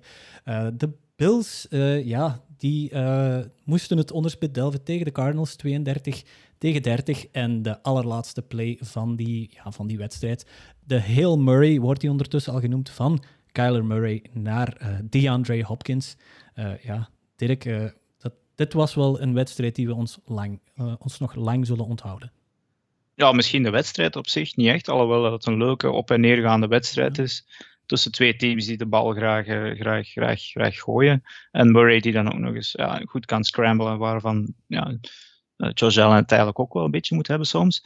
Uh, maar inderdaad, de heel Murray zal, zal waarschijnlijk onthouden worden. Ja. Kyler Murray zijn eerste poging tot een heel Mary en, en ook meteen zijn eerste completion. Maar natuurlijk ook DeAndre Hopkins. Uh, alle krediet aan hem die die bal vangt. En ik ben het speciaal eens gaan opzoeken. Het is nu niet dat hij zo hard boven de mensen to bovenuit torent. Hij is tussen haakjes maar 1,85 meter. Dus geen Megatron of dergelijke. Um, maar hetgeen dat ik dus zondag ook al gezien had, want dat was een van die wedstrijden. Ik was in slaap gevallen en terug wakker geworden. En in plaats van dan koppig. Uh, uh, ja, ja, ik ben eigenlijk gewoon blijven kijken in plaats van normaal gezien sta je op tv uit en gaan slapen. Nee, nee, verder kijken. Mhm. Um, tot, totdat het echt niet meer gaat. Uh, het nadeel is dan natuurlijk dat je om half twee s'nachts niet meer het huis kan bij elkaar roepen, omdat er een dergelijke play nu, nu gebeurt. Um, maar dus DeAndre Hopkins, hij vangt die bal tussen drie verdedigers van, van, van de, de Bills, Tredavious White, Mika Hyde en Jordan Poyer, Poyer, ik weet niet hoe je die man moet uitspreken. Maar die laatste, die duwt volgens mij een van die twee anderen gewoon weg in zijn sprong. Ja. Waardoor dat, dat, dat eigenlijk DeAndre Hopkins de kans krijgt om de bal te vangen. Uh, want normaal gezien, ja, zes handen tegen twee moeten het altijd kunnen halen. En uh, ja, Jurgen, verbeter mij als ik fout zit, maar normaal gezien, tijdens een heel Mary, of een heel Mary is, er van, is er van pass interference normaal gezien geen sprake meer en mag je doen wat je wil. Uh, dat wordt dan inderdaad wordt het uh, meer door de vingers gezien, dat klopt. Ja. Maar weten jullie dat dit eigenlijk niet de bedoeling was van deze play? Ja, Ja, hij met, scrambled met, nog met één Murray keer, weet je eh, maar nooit, hè? Ja, er was nog tijd in ieder geval om nog iets anders te doen. Ja, inderdaad. maar ik weet niet of jullie op de Pro Football Talk uh, website, die daar uh, Football Morning in America gelezen hebben. Mm, Nee, niet. Um, die heeft dus na de wedstrijd, een uur na de wedstrijd, een telefonisch interview gehad met Murray. En dan hebben ze eigenlijk gewoon um, uh, overlopen. Um, dus de play overlopen. Mm. Ja. En dan, dan blijkt eigenlijk dat, uh, dat het probleem was dat uh, normaal gezien als je een Hail Mary gooit, is het de bedoeling dat je zoveel mogelijk van je eigen spelers ergens staan hebt. En daar gooi je de bal dan heen met de bedoeling dat zij dan die, met velen zijn om die bal te kunnen vangen.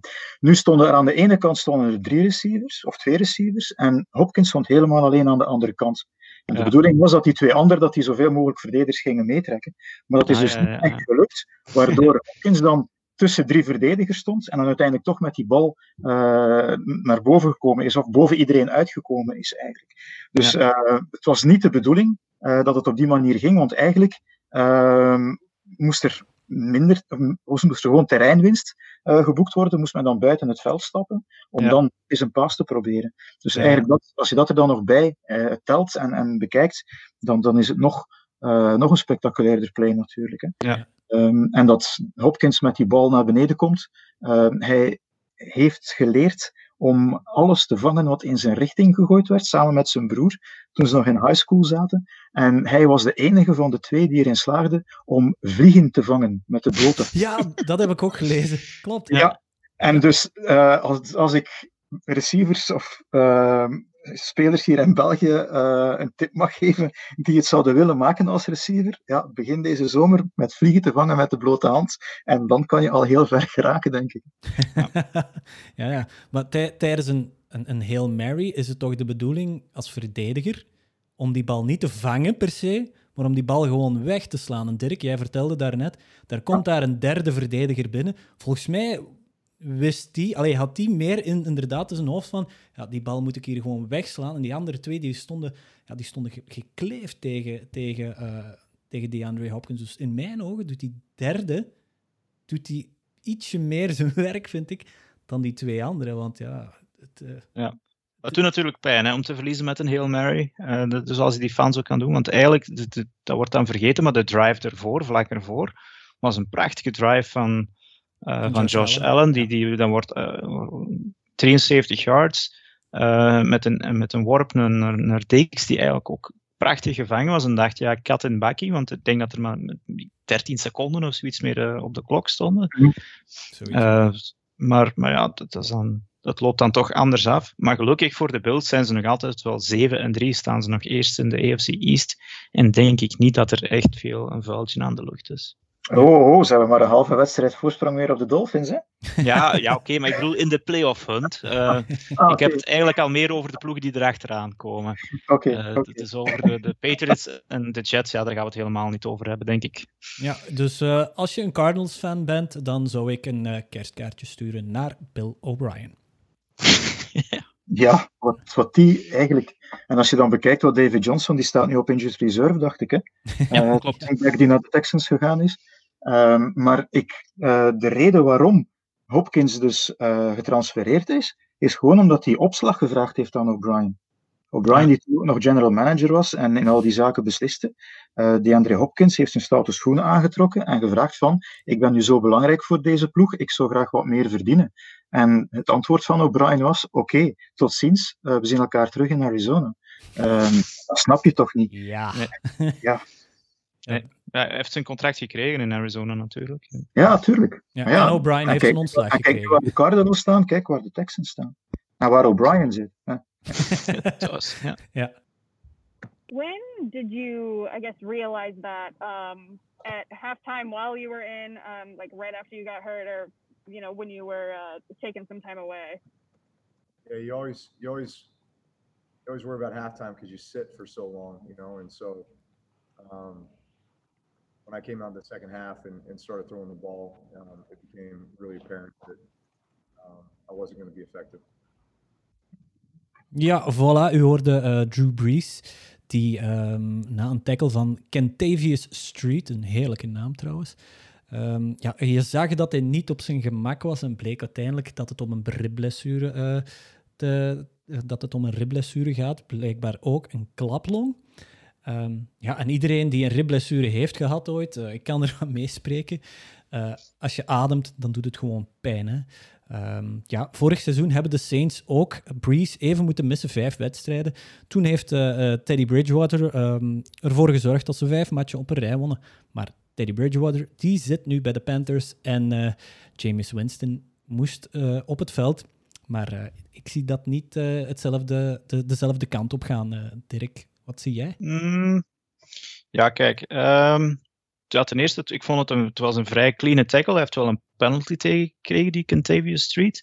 Ehm, maar het is wel een man van 285 pond. Ik gok dat dat een dikke ook, eh, 130 kilo is. Een grote jongen. die je er bovenop je krijgt als 41-jarige. Ehm, en ik heb inderdaad ooit ook eens eh gekneusde of gebroken ribben gehad. En dat, moet, ah ja, dat doet geen deugd. Lachen doet pijn, alles doet pijn. En, en het is ook heel gevoelig om dat terug te blesseren achteraf. Dus je moet echt wel rust krijgen. Dus ik denk zeker met die klaplong dat we nog een hele tijd met een andere QB gaan zitten, tot, misschien zelfs tot aan de playoffs. En, en als je het mij vraagt, wordt dat James Winston? Ja, het zal eh, weinig In keuze, plaats- hè. Ja, in plaats van, van Taysom Hill. Want ik weet dat Jurgen had eh, op de Eleven Sports pagina nog eens een, een, een denk een, een soort eh, ja, Nou, een Paul vraag gezegd, is- hè. ja, Ja. gevraagd van ja, wie, wil je, wie denk jij dat het zal worden? Eh, Hill of, of Winston? En ik denk dat er maar één keuze is, dat is Winston. Je, voor het, hij, hij heeft, ondanks zijn, zijn flaws, zou ik maar zeggen, de ervaring van een NFL-starter te zijn. Hij is een voormalige Heisman Trophy-winner. En niet te vergeten, hij heeft deze zomer zijn ogen laten bijlezeren, waardoor hij misschien zijn, eh, inters- ah zijn, zijn, zijn, zijn picks eigenlijk onder controle zal kunnen houden. Want hij heeft zondag 10 passes gegooid, 6 completions en geen picks. Hmm. Maar ja, de passes zagen er toch ook niet... Degene die hij miste bijvoorbeeld, zagen er dan weer heel, allee, ongelooflijk knullig uit. eh. dat was echt Ja, oké, eh, maar vintage ja, je- je Winston. komt er eigenlijk ook het veld op gewoon. Hè. Je, je bent er niet op voorbereid, je bent niet per se een, een, Dat een is- deel van de gameplan. Dat mag geen excuus zijn, hè? niet voorbereid zijn. Nee, Ja, Dus nee, maar ik, wat ik, denk Joe Hobart eh, bij de Bills, die had zelfs het gameplan niet gestudeerd. Maar die moest ook Ja, invallen. ja. ja. En week daarna zat hij dus wel op straat, hè, want ze hadden hem niet meer nodig. ik, ik, ik kan me inbeelden dat het toch eh, anders is dan, dan dat je op voorhand weet van je moet starten of je plots tijdens de rust van ja, James, je mag beginnen dat je het zenuw, ah ja, fijn, het zijn professionele atleten.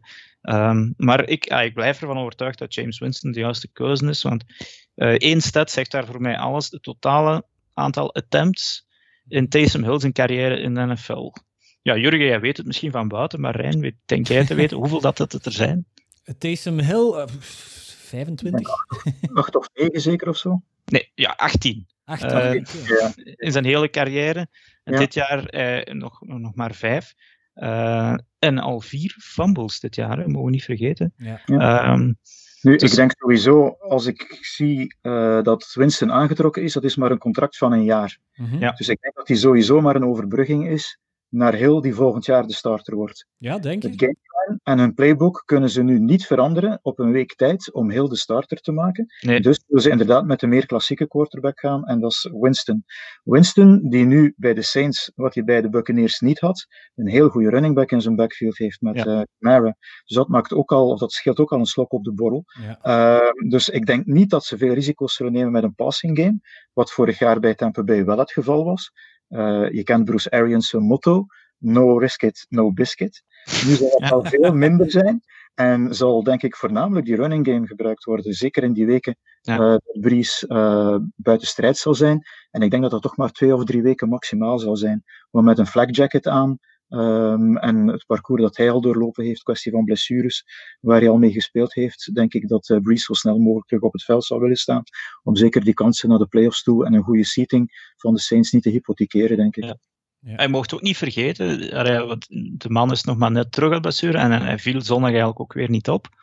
Maar je hebt altijd die checkdown optie met Michael Thomas Mm -hmm. ja. uh, uit, uit, de slot. En, en dat moet voor, zelfs voor James Winston volgens mij wel lukken. En, uh, de, de Saints zijn nu 7 en 2. Het is nu niet dat ze het, uh, het moeilijkste programma nog voor de boeg hebben. Um, Falcons, ze... Broncos en nog eens Falcons. ja. Dus uh, het moet lukken, hè? Ze hebben bijvoorbeeld ook nog, um, ja, volgens mij nog twee keer de, de Falcons. Ja, dat zei ik net. Uh, ja, Broncos, Falcons, Falcons, Eagles, ja, oké, okay, Chiefs, Vikings en Panthers. Uh, dat moet volgens mij wel, wel lukken, ook voor James Winston. Ik heb wel een beetje vertrouwen. En ja, ik, ik, ik zou natuurlijk graag zeggen let it rip, maar mm. dat gaan ze volgens mij inderdaad niet doen. Checkdowns naar Thomas en naar Camara. Um, en dan misschien af en toe een diepere bal. Maar uh, dat hoeft volgens mij niet. Okay. Nee, ik denk het ook niet. Nu, toch ook nog even uh, medelijden met die arme 49ers. Ben ik weg? Weer, weer twee uh, blessures. Jonathan Cyprian, die zelf al een vervanger was in de defensive backfield, die is nu ook uitgevallen met een hamstring, staat op injured reserve. En ook uh, Jamichael Hasty, die rookie running back, die toch wel mooie dingen liet zien in een, in een aantal van die wedstrijden die wij uitgezonden hebben, die heeft zijn uh, sleutelbeen gebroken en die zal waarschijnlijk ook maar over een drie of viertal weken terugkomen. Dus de, de blessures die blijven daar maar komen bij de 49ers. Hebben ze daar nog running backs? Ik zie hier uh, Jarek McKinnon die 33 yards heeft gerushed. Maar voor de rest zie ik heel weinig, heel weinig Ik denk dat ze allemaal geblesseerd zijn, eerlijk ja. gezegd. Ja, ja voilà. Een, een schietgebedje voor de Niners dan.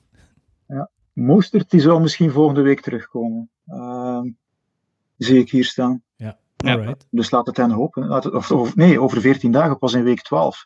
Dus als uh, ja. Ja, ze hebben een bye volgens mij nu, uh, ja. de Niners. Maar ik, ik denk wel dat ze gedaan met spelen hebben voor dit jaar. En uh, ik denk dat de grote vraag nu ja. is of dat ze met, uh, uh, met Garoppolo verder gaan gaan, ja of nee. En, ja. ik dus denk dat ze ook nog een, een pad in een korf gekregen hebben van, van de Saints. Hè? Um, ze hebben dus um, Kwon Alexander, de linebacker, hebben ze getransfereerd naar, naar New Orleans.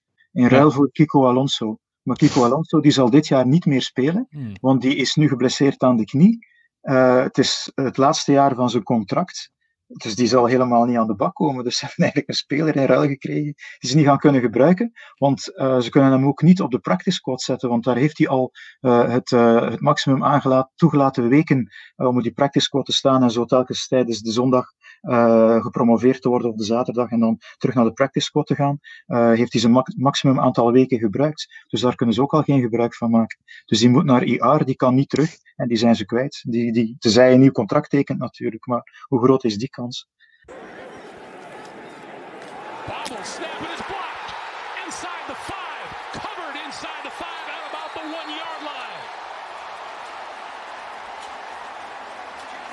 De Dolphins tegen de Chargers. 29-21. En je hoorde een, uh, een geblokte punt die uh, door uh, ja, Van Ginkel werd geblokt. Die, ja. dacht ik, vorige week nog er eentje binnenliep als, als verdediger, een, een TD. De bal kwam twee, op weken, de, twee weken terug. Twee weken terug. De bal die kwam op de one-yard line en de Dolphins scoorden. Dus Jurgen, jij bent hier de, de Dolphins-kenner van, van, van uitstek. Wat moeten we nu denken? Trust or bust op dit moment? Uh, ik denk trust, eerlijk mm -hmm. gezegd. Ja. Uh, want als je ziet, het parcours dat ze al doorlopen hebben. Ze zijn begonnen het eerste jaar van Flores 0-7. Uh, sindsdien is hij, denk ik, ehm, ze hebben dat seizoen beëindigd met vijf overwinningen. Um, hebben eigenlijk nog, ja, nog, nog vier keer verloren dat jaar. Nu, dit jaar was het een moeilijk begin ook.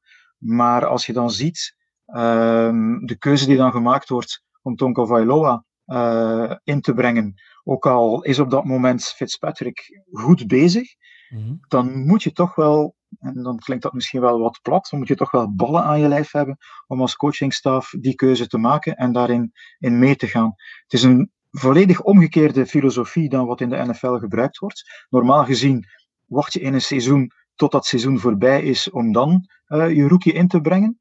Uh, maar hier brengen ze de rookie erin op het moment dat het de goede kant op gaat. En dan trekt hij die lijn gewoon verder. Het was nu zijn derde start. Alle drie gewonnen. Mm -hmm. Hij blijft groeien.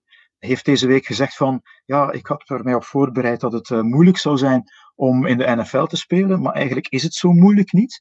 Dus die blaakt van het zelfvertrouwen. ja, uh, ja, maar als je ziet hoe hij speelt ook. Ik, we hebben dus de wedstrijd op 11 gedaan tegen de Cardinals. Mm -hmm. En als je dan ziet, op het moment dat het echt nodig is, wat voor een plays hij doet. En dat was nog maar zijn tweede start. Terwijl de week ervoor dat ze eigenlijk met een, een plain vanilla offense aan het spelen waren. En dan in die wedstrijd tegen de Cardinals, Chan Gailey die toch al wat meer risico's neemt. Na dat eerste kwart de wieltjes van de fiets haalt. En Topa Vailoa laat rondfietsen.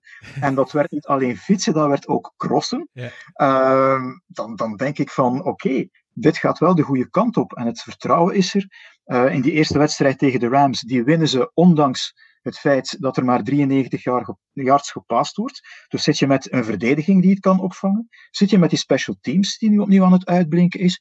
Dus eigenlijk zitten ze op alle drie de niveaus op een behoorlijk hoog niveau aan het spelen. Mm-hmm. Dus dat zelfvertrouwen, dat, uh, ook al zouden ze nog eens verliezen of twee keer verliezen, ik denk dat dat zelfvertrouwen er zal blijven en dat deze Dolphins wellicht wel in de playoffs zullen terechtkomen.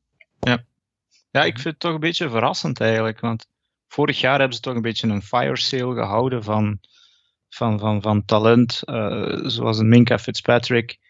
Um, en dan Laramie Tunsil is ook nog vertrokken, zeker. Ja, Kenny je... Snells en dan ja. de running back ook naar de Cardinals. Um, ja. Maar als je dan die namen bekijkt die, die nu op het veld staan. Uh, ik bedoel, uh, oké, okay, het was een uitzondering, maar Salvan Ahmed. Uh, Adam Shaheen, Andrew Van Ginkel, oké, okay, en dan een bekendere naam misschien Kaal van Nooy. Maar ik, ik zit die namen te bekijken. Uh, dat zijn nu niet echt de grote sterren, maar is het dan een goed geheel eigenlijk uh, wat Brian Flores daar, daar gevormd heeft? En, je, en die je weet, defense? Je weet, ja. je weet uit welke school Brian Flores komt. nee, dat weet ik zo nee, niet. Is nee. 15 jaar in dienst geweest bij de Patriots. Is ja, begonnen oh, ja, als zo, ja. coördinator voor de scouts. Is dan zelf college scout geworden heeft dan special teams gecoacht, is dan assistent geweest op offense, heeft dan defense gecoacht en het laatste jaar voor de Dolphins hem weggeplukt hebben, was hij de man die de defensive plays het veld opstuurde. Ja. Als je dat mag van Belichick, dan denk ik dat je toch wel uit een bepaald soort hout gesneden bent en van een bepaald soort kaliber bent. En dat blijkt ook nu weer, de manier waarop je met zijn spelers omgaat. Um, ook duidelijk uitleggen van, kijk, we gaan nu met Tonko Vailoa, die kleedkamer die moet daarin meegaan, en die zijn daarin meegegaan. Dan moet je toch al over behoorlijk wat overredingskracht beschikken in je tweede seizoen als headcoach, om je team mee te krijgen op deze manier. En het legt hen geen windeieren. Hè? Nee. Ja, indrukwekkend eigenlijk, hè? want Tua is nu 3 en 0 en ja. De Dolphins als geheel zijn nu, zijn nu vijf hebben vijf wedstrijden op wij gewonnen. Ja, 6-3 zijn ze. Ja. Ja, dus en je mag echt... niet vergeten, de wedstrijd tegen Seattle hadden ze, kunnen spoor, winnen. hadden ze kunnen winnen. Want ja. daar wordt op het laatste nog een touchdown bijgescoord, want die wedstrijd was veel closer dan die einduitslag laat vermoeden. Ja. Dus ja, ik ben, ben inderdaad ook wel benieuwd waar dat dit eigenlijk naartoe gaat. Uh, en aan de andere kant stond die andere rookie dan, hè, mogen we niet vergeten, Justin Herbert, die, uh -huh. Uh, weer verliest. En ik heb ergens een stat gehoord, maar ik denk dat de Chargers uh, de laatste twee seizoenen, ik dacht iets van een 15 wedstrijden, een one-score game verloren hebben. Dus het ja. zit hem daar echt wel in details. En misschien is dat detail wel Anthony Lynn uh, dat daar te veel is. Of, ja, de headcoach, ja. Dat zou kunnen, ja. Ja, um, het zal aan uh, de eigenaars zijn om te beslissen of ze met Lynn zullen verder gaan dat dit seizoen of niet. Hè. Ja. Um, nu, maar in elk geval met Herbert uh, denk ik wel dat ze ook een goede keuze gemaakt hebben. Want wat hij nu in zijn, zijn rookie seizoen al laat zien, um, ja, dat is indrukwekkend. Dat, ja. dat, dat, waardigt toch ook die zesde plaats waarin hij gekozen is hè, in de draft. Dus, uh, ja. ja hij, stond zelfs op de, de, uh, op de nummer 1 plaats van de top 25 rookies van, uh, van Bucky Brooks en, en Daniel Jeremiah van. Um, wat is het? Move the Sticks, de podcast. Ja, daar stond, ja. ja daar stond hij op één. En ja, in mijn ogen, in mijn ogen terecht. Ja, klopt. klopt. Okay. Maar ik ben blij dat jullie uh, mij volgen wat de Dolphins uh, betreft. Dat ook Dirk. En inderdaad, ze ja. zijn de verrassing van het seizoen. Ik moet eerlijk toegeven, ik had dit ook niet verwacht. Nee, want eigenlijk, ja, misschien nog een kleine toevoeging. Hoe, uh, het, is, het, is, het, is, het is een beetje vreemd om te zeggen, maar hoe slechter elke week dat de Texans verliezen, des te beter voor de Dolphins. En voor die ja. picks natuurlijk. Hè? Ja, ja, die, die, die, die, twee, die twee first round picks die Bill O'Brien daar ook weer heeft weggegeven. Uh, het is eigenlijk, stel, stel de, eigenlijk in theorie, de Dolphins kunnen de, uh, de, de, de Super Bowl winnen. Oké, okay, die, die, en, en, rustig, ja, de first, first, rustig. Zo, ja, in, in nee, theorie. Ik heb nog geen, ik heb nog, geen, nog niet zoveel gedronken dat ik... Nee. Uh... maar in theorie kunnen de Dolphins dus de Super Bowl winnen en de first round uh, de, de, first overall pick hebben, maar daar zitten natuurlijk de Jets nog wat tegen te wringen tegen de, tegen de ja. Texans. Maar op dit moment hebben ze wel al een top 5 pick, waar dat ja. ze ook zelf eindigen. Dus eigenlijk is het een win-win situatie uh, naar 2022 toe. Ja, want uh, Brian Flores heeft uh, in voorbereiding op de wedstrijd van de Cardinals, um, was, ik denk dat het Armando Salguero is, van ESPN, die de Dolphins volgt. Die had genoteerd, of die had in een artikel geschreven, um, dat het feit dat ze dus overgestapt waren van Fitzpatrick naar Tongo Vailoa eigenlijk gewoon was om hem tien wedstrijden te geven om te bewijzen dat hij wel degelijk het antwoord was. Want dat ze met de twee picks die ze hadden in de eerste ronde, dat ze een, een, een, een gooi zouden kunnen doen naar die eerste plaats om Trevor Lawrence dan te kiezen. en mm. Brian Flores is dus specifiek in een, uh, in een persconferentie. Er werd geen vraag over gesteld, maar Brian Flores heeft dan gezegd van ik heb deze week gelezen en toen keek hij in die persconferentie naar Salguero zelf, uh, dat iemand uh, beweert dat dit een, uh, een auditie is voor Tongo Vailoa. Um, en dat heeft hij toen onmiddellijk weerlegd en gezegd van nee, we hebben Tonga Vailoa gekozen omdat we in hem geloven. We ontwikkelen spelers en dit is zeker niet de bedoeling. Dit is onze quarterback waar we mee verder gaan.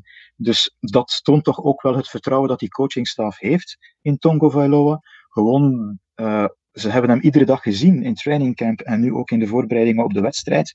Dus dat zijn zaken die wij niet zien, uh, die sommige journalisten ook niet zien, veronderstel ik. Dus ze weten hoe hij zich gedraagt, wat hij doet. Dus ze moeten toch wel heel zeker zijn van een stuk wat dat betreft. They've had a pretty good run in this area over the past couple of decades. Now the pass goes to Myers, and it's behind the line of scrimmage, and he's going to throw a high school quarterback he was, and Burkhead will make the catch in the end zone. On top. Ja, bij de Patriots beginnen nu dus ook al de wide receivers, de in mijn ogen iets onbekendere wide receivers, uh, touchdown passes te gooien. De Jacob hebben, ze, hebben ze andere? ja, ze hebben geen andere meer, denk ik. Patriots Ravens 23-17. De Ravens, ja, ze, ze, blijven een beetje in een sukkelstraatje zitten. Uh, ja, waar zit het probleem bij die Ravens, uh, Jurgen? Uh, ja, waar het probleem zondag zat, uh, denk ik aan de zijlijn van de Patriots. Waar McDaniels uh, de meest onmogelijke dingen uit zijn hoed getoverd heeft om die verdediging van de Ravens in de war te brengen. En onder andere met die Myers die een touchdown pass gooit, maar ook de running game. Um, waar normaal gezien de Ravens toch, toch onbekend zijn. Dat ze stevig kunnen verdedigen tegen de run. Um, ja, ja, ik weet het niet. Ik denk dat ze misschien te zeker waren van zichzelf. Ja. Want ze waren al bezig aan het begin van het seizoen van Lamar Jackson, uh, het spel vertraagt voor hem. Dit is zijn derde jaar, net zoals dat het geval was bij Mahomes. Uh, ze begrijpen nu het spel beter, ze lezen het spel beter. Dit is het jaar waarin je de stap gaat maken, waarin je de opvolger wordt. Dat hij, omdat ook Mahomes vorig jaar op de cover stond van Madden, Jackson staat daar dit jaar op. Zelfs zo ver gingen de vergelijkingen. Zelfs zo zeker waren ze. Maar wedstrijden moeten nog altijd eerst gespeeld worden natuurlijk. Ja, absoluut. Want Brandon Williams die is dan uitgevallen bij de Ravens. En, en toen is die run van, van de Patriots, toen is die op gang gekomen. Hè? Want uh, Kelly, Campbell die was al oud, uh, Jimmy Smith die was oud. En dan valt die Brandon Williams uit. En, en ja, de Patriots die rushten als, als, als zotten, hè? 173 yards. Met, uh, wie was het, Cam, Cam zelfs, Damian Harris. En dan Damian Harris, ja. En Rex Burkhead, die ik dan deze week per ongeluk had laten vallen in de fantasy. En dan in één keer 23 punten in de fantasy scoort. Ja, dus. Um, en ik heb Lamar Jackson op uh, quarterback ergens in een, uh, in een league staan. Ja, het, het, het was niet, uh, het was niet mijn week in fantasy, maar inderdaad, de, de run, zoals je zegt, Jurgen. Dirk, heb jij nog ja, punten van, van zwakte of punten van sterkte bij de Patriots zelfs gezien? Ja, zoals Jurgen zei, ik denk dat die sterkte langs de zijlijn staat. Het was mhm. ook, zoals dat wij in Vlaanderen wel durven zeggen, scheidweer. um, En, en dat, weet je al. Heel, mooi, heel mooie beelden in Game Day op, uh, ja. op Eleven Sports. Hè? Ja. De, de, regen die kwam, die kwam horizontaal op den duur zelfs, denk ik. Dat bepaalt, eh, dat bepaalt voor een groot stuk het gamescript. Hè. Dat zag je de zondag bijvoorbeeld in Cleveland ook. Als het weer waait, dan weet je dat de bal niet door de lucht gaat. Is het echt nat, dan weet je het ook niet. En in principe zou dat dus eigenlijk wel ten voordele van een run-team zoals de Ravens moeten geweest zijn. Maar uh, Bill Belichick heeft er duidelijk iets op gevonden. Stuff to run en run zelf.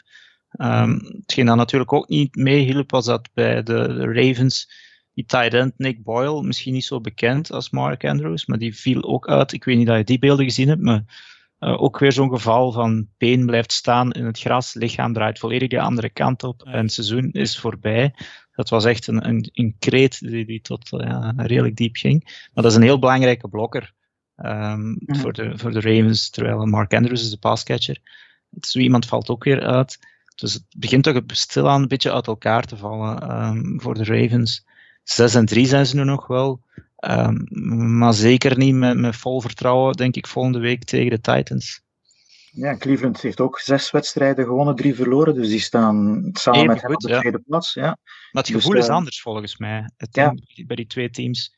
Uh, de, de, de, Ravens komen van die high ook van vorig jaar eigenlijk. Hè. Zo de uh -huh. ontegensprekelijke nummer 1 in het reguliere seizoen. Uh, of ja, toch, toch dat gevoel kreeg je bij, bij heel veel mensen. Maar dan eigenlijk direct uh, crash en burn. En ja, dan volgende week direct tegen die Titans eigenlijk. Hè. Dus ik ben, ben wel eens benieuwd, dat kan wel eens een defining game worden uh, voor de Ravens zelf, hoe dat ze naar de rest van het seizoen gaan kijken.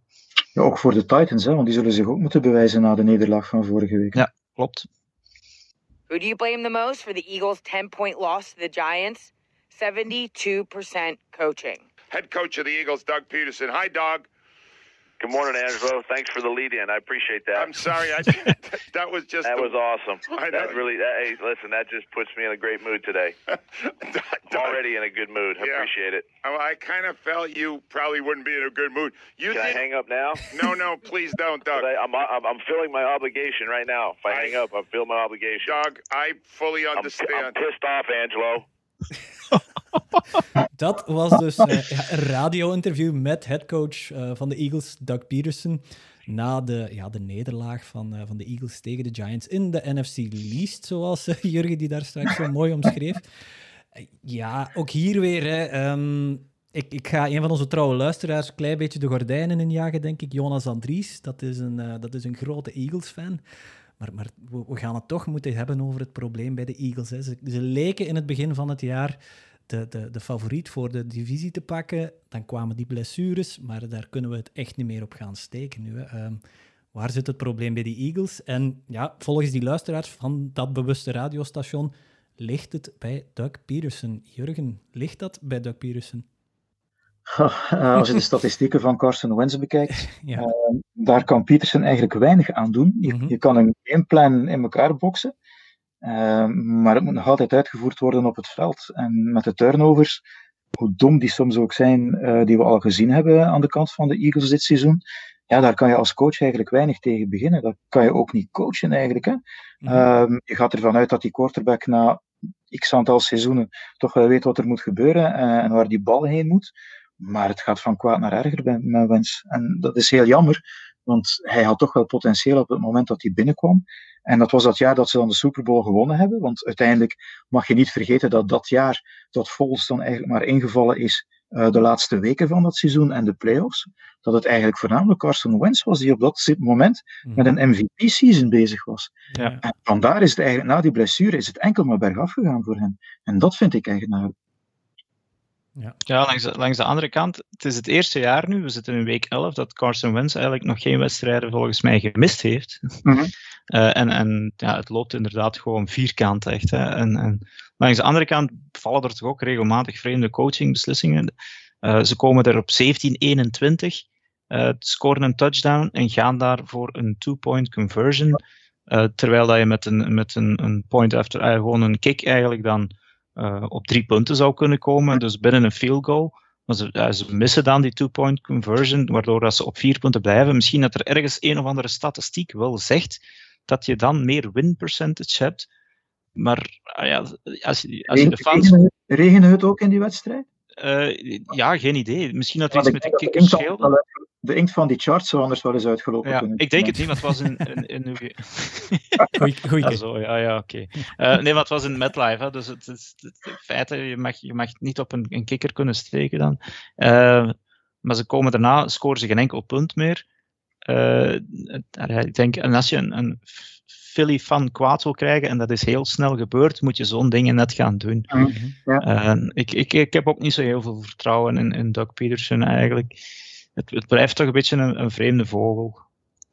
Ja, want zo het, het, de pas en de onpas ingooien van Jalen Hurts vind ik, vind ik heel Mhm. bizar. Ik, ik begrijp Ja, dat- die beslissing. Het, is, het gaat niet aan het feit liggen dat Carson Wentz een slechte wedstrijd is aan het spelen.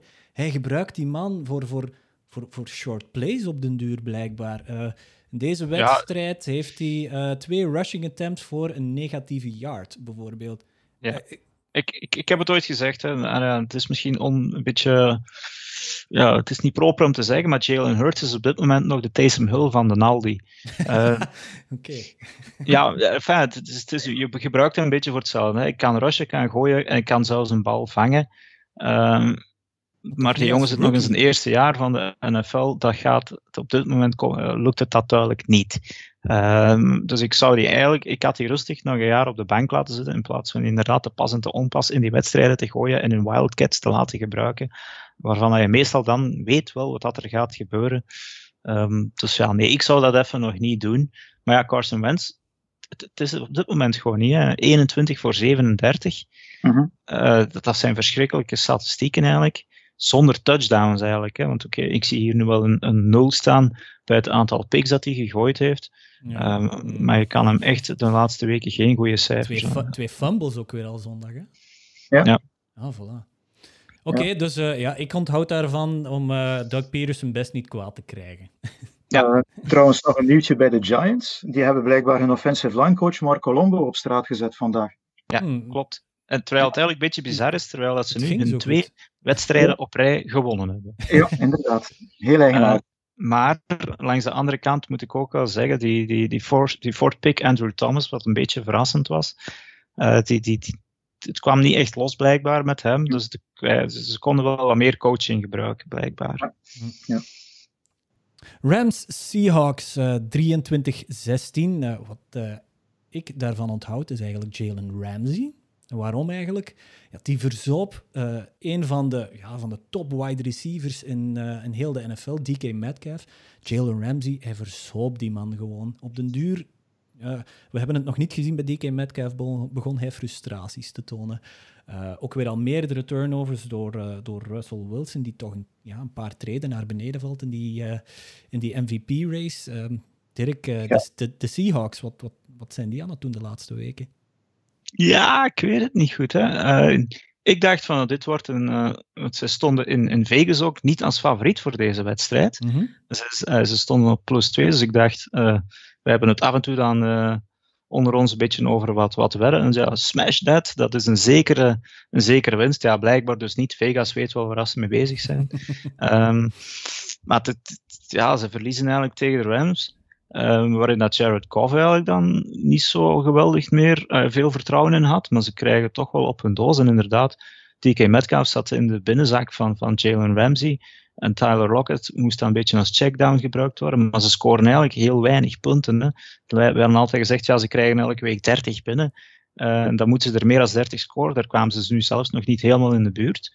Um, maar ja, Jurgen, jij hebt hier commentaar bij gegeven bij deze wedstrijd. Ja, um, uh, wel, er zijn dus... een paar dingen die ik niet begrijp eigenlijk. Um, nu goed, ja, sowieso Wilson, de twee onderscheppingen die hij gooit, dat zijn echt blunders van je welste. Bij die eerste en die in de eindzone gooit hij de bal terwijl hij zelf voor minstens een first down kan lopen.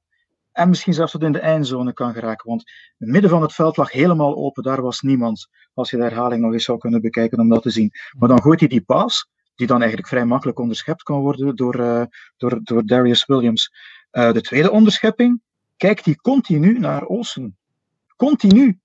Er is geen, geen moment van een, een look-off hij krijgt de snap en hij begint naar Olsen te kijken. Gooit hij de bal naar Olsen, ja, dan is Williams daar opnieuw om die onderschepping te maken. Dus beide onderscheppingen zijn de fout van Wilson, die dus effectief een paar treden naar beneden gegaan is. Maar wat ik dan niet begrijp als coachingstaf, DK Metcalf, Jalen Ramsey, oké, okay, Ramsey zat er als een handschoen over. Daar mm -hmm. is zeker geen discussie over mogelijk. Maar de eerste diepe paas die in de richting van Ramsey gegooid wordt, maar dan niet met DK Metcalf, maar wel uh, met Swain als wide receiver, heeft hij meteen een pass interference aan zijn broek. Terwijl ja. Metcalf loopt 7, 8 routes, gedekt door Metcalf, uh, door, uh, door, door Ramsey, ja. en de bal gaat nooit zijn richting uit. Nee. Ja, ze durfden niet precies. Nee, je, je, zag Wilson, ja, maar, je zag Wilson echt constant okay. kijken, hè? Ja, ja, maar waarom durf je niet? Heb je de wedstrijd gezien Miami-Arizona?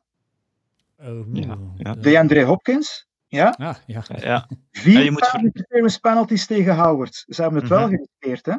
Ja, ja, ja. ja nee, want inderdaad, ik, ik, ik heb al beelden gezien van, van een samenvatting van Ramsey tegen, tegen, tegen Metcalf dan. Die zat er heel de tijd ook met zijn handen bovenop eigenlijk. Ja. Hè? Dus, uh, ja. ik, er gingen vlaggen gegooid worden als, als hij een bal, als hij een bal kreeg. Zeker weten, maar ze hebben het nooit gedaan en dat snap ik dan niet. Je moet dat toch zien als coachingstaf. Of je moet toch minstens proberen, je weet dat die, ja, je topreceiver is momenteel Lockett, die is dan nog geblesseerd geraakt aan zijn been, geloof ik. Dus die dan ook niet 100% was. En ik heb hem vergeleken met een vuurtoren. Hè. Ik ben van bewust. maar Lockett, je ziet hem, je ziet hem niet. Je, ja. je ziet hem niet. En momenteel zie je hem heel weinig, moet ik eerlijk toegeven. Hij heeft daar die twee wedstrijden gehad met zijn drie touchdowns. Maar mm -hmm. sinds, ja, uh, gelukkig dat er nog niet te veel geen, klippen, uh, geen schepen op de klippen gevaren zijn. Nee, nee, nee. maar nog, misschien nog één vraag, Jurgen. Wat denk je nu van de Seahawks? Twee wedstrijden op rij verloren. En deze week terug een moeilijke affiche. Um, met de Cardinals. Um, ja, het is nog niks verloren. Hè. Als ze van de Cardinals winnen, dan, dan zitten ze terug nee. op het pad. Hè. Want inderdaad... Het is, het is een korte week. Um, Wilson en de coachingstaf van de Seahawks heeft daar meer ervaring in dan Kingsbury en, en, en, en uh, Murray. Dus misschien dat ze daar een voordeel uit kunnen halen. Ze hebben elkaar ook nog maar drie weken geleden gezien. Ja. Uh, dus ja, de, ze kennen elkaar. Uh, dus het wordt zeker een leuke wedstrijd om te bekijken. Ja. Waarschijnlijk weer een cliffhanger, neem ik aan. Maar als die verdediging van de Seahawks, als die eindelijk eens kan, kan standhouden. Nu, het was positief, hè? ze hebben maar 23 punten laten ja, ja, dat is maar voor de tweede keer dit seizoen, hè? anders ja. is het altijd over de 30. Um, en ik heb ook tijdens de wedstrijd gezegd, het probleem, er wordt zo uh, afgegeven op die, die pass defense van de Seahawks. Maar die mannen die hebben dus geen preseason gehad. Um, het zijn drie nieuwe cornerback safeties die eigenlijk nog nooit met elkaar gespeeld hebben. En nu met die blessures erbij krijgen ze ook niet de kans om elkaar gewond te worden. Terwijl in zo'n defensive backfield hangt heel veel af van de communicatie. Het elkaar aanvoelen. Het weten wat mijn collega gaat doen in zo'n situatie en dergelijke. Dus dat mag je ook niet onderschatten in elk geval. En iedereen zit continu op de kap van Ken Norton. Ja, oké, okay, is misschien niet de beste defensive coordinator, maar als je de blessures ook ziet waar je mee moet werken, er zijn er niet veel die het veel beter zouden doen, denk ik. Maar nog één misschien ding. Uh, na, na, die wedstrijd tegen de Cardinals kunnen ze wel wat vertrouwen tanken. Want dan volgen de Eagles, de Giants, de Jets en het Washington footballteam vier wedstrijden achter elkaar. Ja, terwijl dat de Rams, die ook 6-3 staan, die hebben al alle wedstrijden tegen de NFC East gehad. Hè. Ja, Voor ja. zondag waren die eh 4-0 tegen, ehm, eh, tegen de NFC Least. En waren ze 1-3 tegen alle andere ploegen. Hè. Nu zijn ze 2-3. Dus ja, misschien inderdaad dat Seattle op die manier wel weer, eh, weer op de sporen kan komen. Here is Chubb going outside. One won't go out of bounds, and he does it, and he may go all the way. And he does. No flags are down, and Chubb He ran out of bounds. goes out of bounds at the one yard line. Ja, eh, de Browns winnen wel van de Texans met 10-7. Maar eh, je hoorde Nick Chubb, die eh, tegen het einde van de wedstrijd niks anders dan eh, gewoon gras voor zich had. En hij liep met de bal aan de 1-yard line, liep die gewoon buiten. Daar zit een strategie achter. Ik heb er mijn gedacht van, maar ik ga eerst bij onze andere podcasters even luisteren wat zij ervan denken. En misschien een beetje duiding kunnen geven. Dirk, wat vind jij van die fase? Ik begrijp hem compleet. Eh, ik weet niet meer juist hoeveel tijd er nog op de klok stond. Een minuut Ik weet wel dat de Texans geen time-outs meer hadden. Klopt. Eh, en dus maakte het eigenlijk niet uit of hij daar nu out of bounds ging of er gewoon eh, even ging liggen. En dan ging de klok blijven lopen en dan hadden de, de Texans eh, nog minder te- eh, de, de klok kunnen stilleggen. Enfin, ook dus dat had niet veel verschil uitgemaakt of dat hij nu out of bounds ging ehm, of eigenlijk ging liggen. Hij wou gewoon zeker zijn dat ze de wedstrijd wonnen. Mhm. Ehm, als hij dan de touchdown scoort, heeft, hebben de Texans in theorie nog de kans om, ja, het zou dan twee onside kicks al moeten geweest zijn, om de bal te recupereren en dan touchdown scoren, nog een onside kick. Enfin, dus in theorie zou het nog mogelijk geweest zijn, maar nu maakt hij eigenlijk er het zeker, pakt hij het zeker het onzekere en ging hij zeker voor de Browns de wedstrijd winnen. Jurgen, ben jij misschien een beetje agressiever in je, in je mening, zal ik maar zeggen? Eh, Nee hoor, ik vind eh, de play van, eh van Chubb vind ik, eh, zeer teamgericht. En eh, er is geen I in team. Ehm, als hij zou betaald worden volgens, ik weet niet wat zijn contract is, maar daar zou bijvoorbeeld in kunnen staan, je krijgt een bonus als je zoveel touchdowns scoort. Ja, ja. Dat heeft hij hier niet gedaan. Eh, gewoon om op deze manier zich zeer bewust van het feit dat denk ik de Texans geen time-outs meer hadden, eh, dat ze dan gewoon het knietje zouden kunnen nemen. Eh, niet de fout maken van Todd Gurley van de Falcons een paar weken terug tegen Detroit, die dan wel scoort, waardoor de Lions de bal nog eens terugkrijgen, scoren en winnen. Ehm, dus ja, er is, in, zelfs in een Super Bowl is het ooit gebeurd. Ik denk dat het allemaal Bradshaw was in Super Bowl 42 voor de Giants, Ja. die toen ook tegen de Patriots op de 1-yard-lijn is gaan zitten. ehm, om, en op die manier ervoor zorgde dat eigenlijk de, de- er geen tijd meer was voor de Patriots om nog iets aan die score te doen. De Patriots die, dacht ik, dat jaar ongeslagen waren en 18-0 konden zijn. Ehm, dus ja, het het is een heel goede play van Chubb. Ehm, ik kan enkel maar, ehm, hoe zeg je dat? Eh, ik zal, het zullen geen rozenblaadjes zijn, maar ik kan enkel eh, maar het grootste respect hebben voor wat hij daar gedaan heeft. Ja, ja en het was, één, het was zijn eerste wedstrijd ook terug uit blessure. Hè? En eh, ja, hij, hij loopt daar toch een, een, een hele hoop yards bij elkaar. En inderdaad, je zou denken, een speler die terug is, die heeft honger, die wil bloed. Zeker bij zo'n close game eigenlijk dan wel. Hè?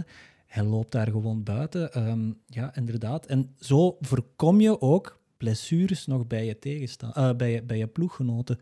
Dus moest Ja. hij binnen zijn gelopen, inderdaad nog een onside kick waarschijnlijk, die dan de Texans nog moeten eh, recupereren, scoren, nogmaals Ja. een onside kick. Maar dat Dus- gaat niet gebeuren, maar zo voorkomt hij inderdaad ook wel blessures bij zijn, eh, bij zijn teamgenoten.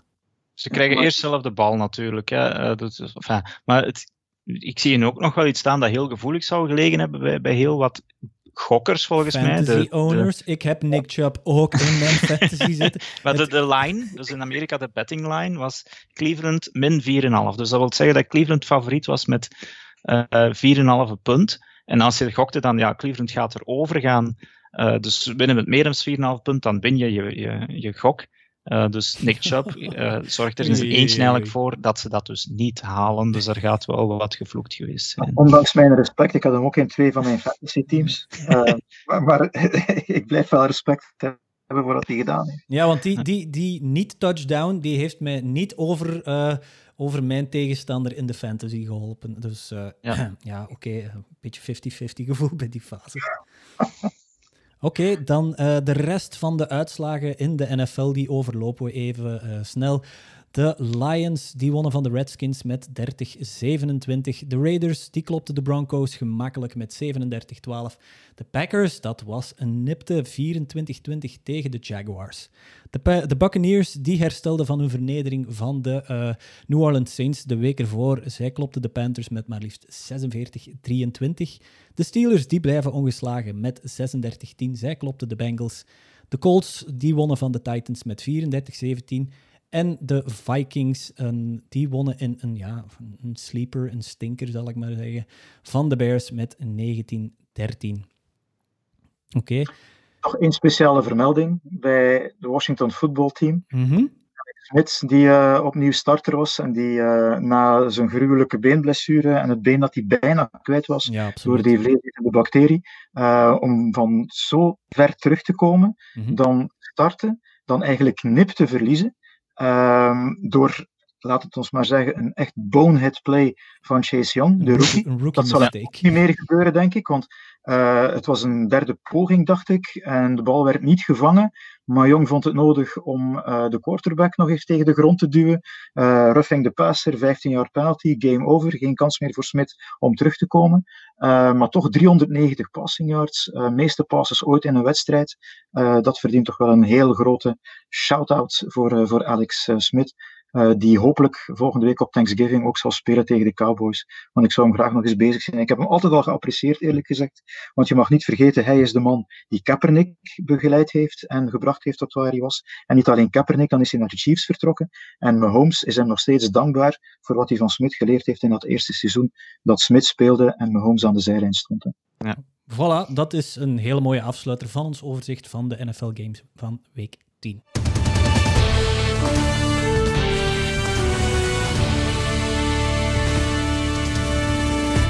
We zijn aangekomen bij onze vaste rubrieken in onze AFCB-podcast. We beginnen natuurlijk met de speler van deze week. Uh, als ik zelf mag beginnen, ik heb het daarnet al bij de bespreking van de wedstrijd van de, uh, van de Rams tegen de Seahawks gezegd. Jalen Ramsey, die eigenlijk op zijn eentje uh, Russell Wilson gewoon deed treuzelen heel de match door. TK Metcalf, die stak in de binnenzak. En ik wil toch een verdediger deze week, een, uh, een, een, speler van de week trofee, al is het maar een kleintje geven. Jalen Ramsey voor mij. Dirk, wie is voor jou speler van de week? Ja, ik ga een beetje uh, tegen de stroming ingaan. Uh, en ik ga een onverwachte naam geven, maar voor mij Antonio Brown. Excuseer? Ja. Zeg, ik heb het niet goed verstaan, nu, denk ik. Nu nog kan, want misschien is hij de volgende week niet meer. Hè? Ja, nee, maar ik bedoel, uh, ah, ja, hij, het is, ja, laten we, als speler bedoel ik. Ja? Uh, hij komt dus eigenlijk terug in de NFL na, in, in week 2. Uh, dus van 8 targets, 7 catches voor 69 yards. Mm -hmm. uh, 9,68 yards per reception. Dus dat is eigenlijk een steengoede wedstrijd in een offense waar dat al Mike Evans en Chris Godwin en Rob Gronkowski zit. Um, dus ja, uh, als speler hoop ik dat hij op het veld mag blijven. Waarom geef je dan bijvoorbeeld die, die trofee niet aan Alex Smith? Antonio ja, Brown die, die er, doet wat hij van hem verwacht die wordt. Heeft er net al, die heeft er net al bloemen gekregen van Jurgen. Ja. Dus ik geef Antonio Brown ook bloemen. Ik gooi er nog wel de vaas bij. Um, Tegen zijn kop. Ja, maar ja. Ik, ik vind het wel een vermeldenswaardige stad. Ja, okay, misschien even vertellen dat hij uh, in zijn gated community op 15 oktober heeft hij dus een camera aan degelijk geslaan. Met een fiets. Omdat hij blijkbaar niet gefilmd wilde worden of iets. Um, dat heeft hij niet gemeld. En dat zou er wel eens voor kunnen zorgen dat hij opnieuw in dat protocol van de NFL terechtkomt en dat hij opnieuw geschorst zou kunnen worden. Dus verbaast dat even dat terzijde. Nou, verbaast ons dat? voilà. Jurgen, jouw speler van de week. Um, wel, DeAndre Hopkins eigenlijk. Ja. Um, ja. En ook voor een deeltje met Kyler Murray. Omdat Murray die heeft... Uh, ze krijgen elk de helft. Murray, vijf wedstrijden op rij met een rushing touchdown. Geen enkele quarterback deed het hem voor sinds Tobin Road in 1956. Dus dan oh. toch wel al uit een, uh, ja, tot toch wel iets speciaals presteren om zo'n record uit uh, de, de oertijd van de NFL, bij manier van spreken, te kunnen verbeteren. Ja. Um, en dan DeAndre Hopkins, uh, niet alleen voor die catch die hij maakt, maar uh, vandaag staat er een, een, filmpje op de Twitter-account van de Cardinals. Uh, ze, ze, zijn hem aan het filmen terwijl ze aan het opwarmen zijn om aan de training te beginnen. En hij kijkt dus naar die cameraman en zegt van, hé, hey, je moet mij niet filmen, hè? je moet daar die mannen filmen. En hij wijst naar de offensive lineman en zegt er duidelijk bij van, als zij de tijd niet gegeven hadden om te passen, had ik de catch niet kunnen maken. Dus alle eer gaat eigenlijk naar hen.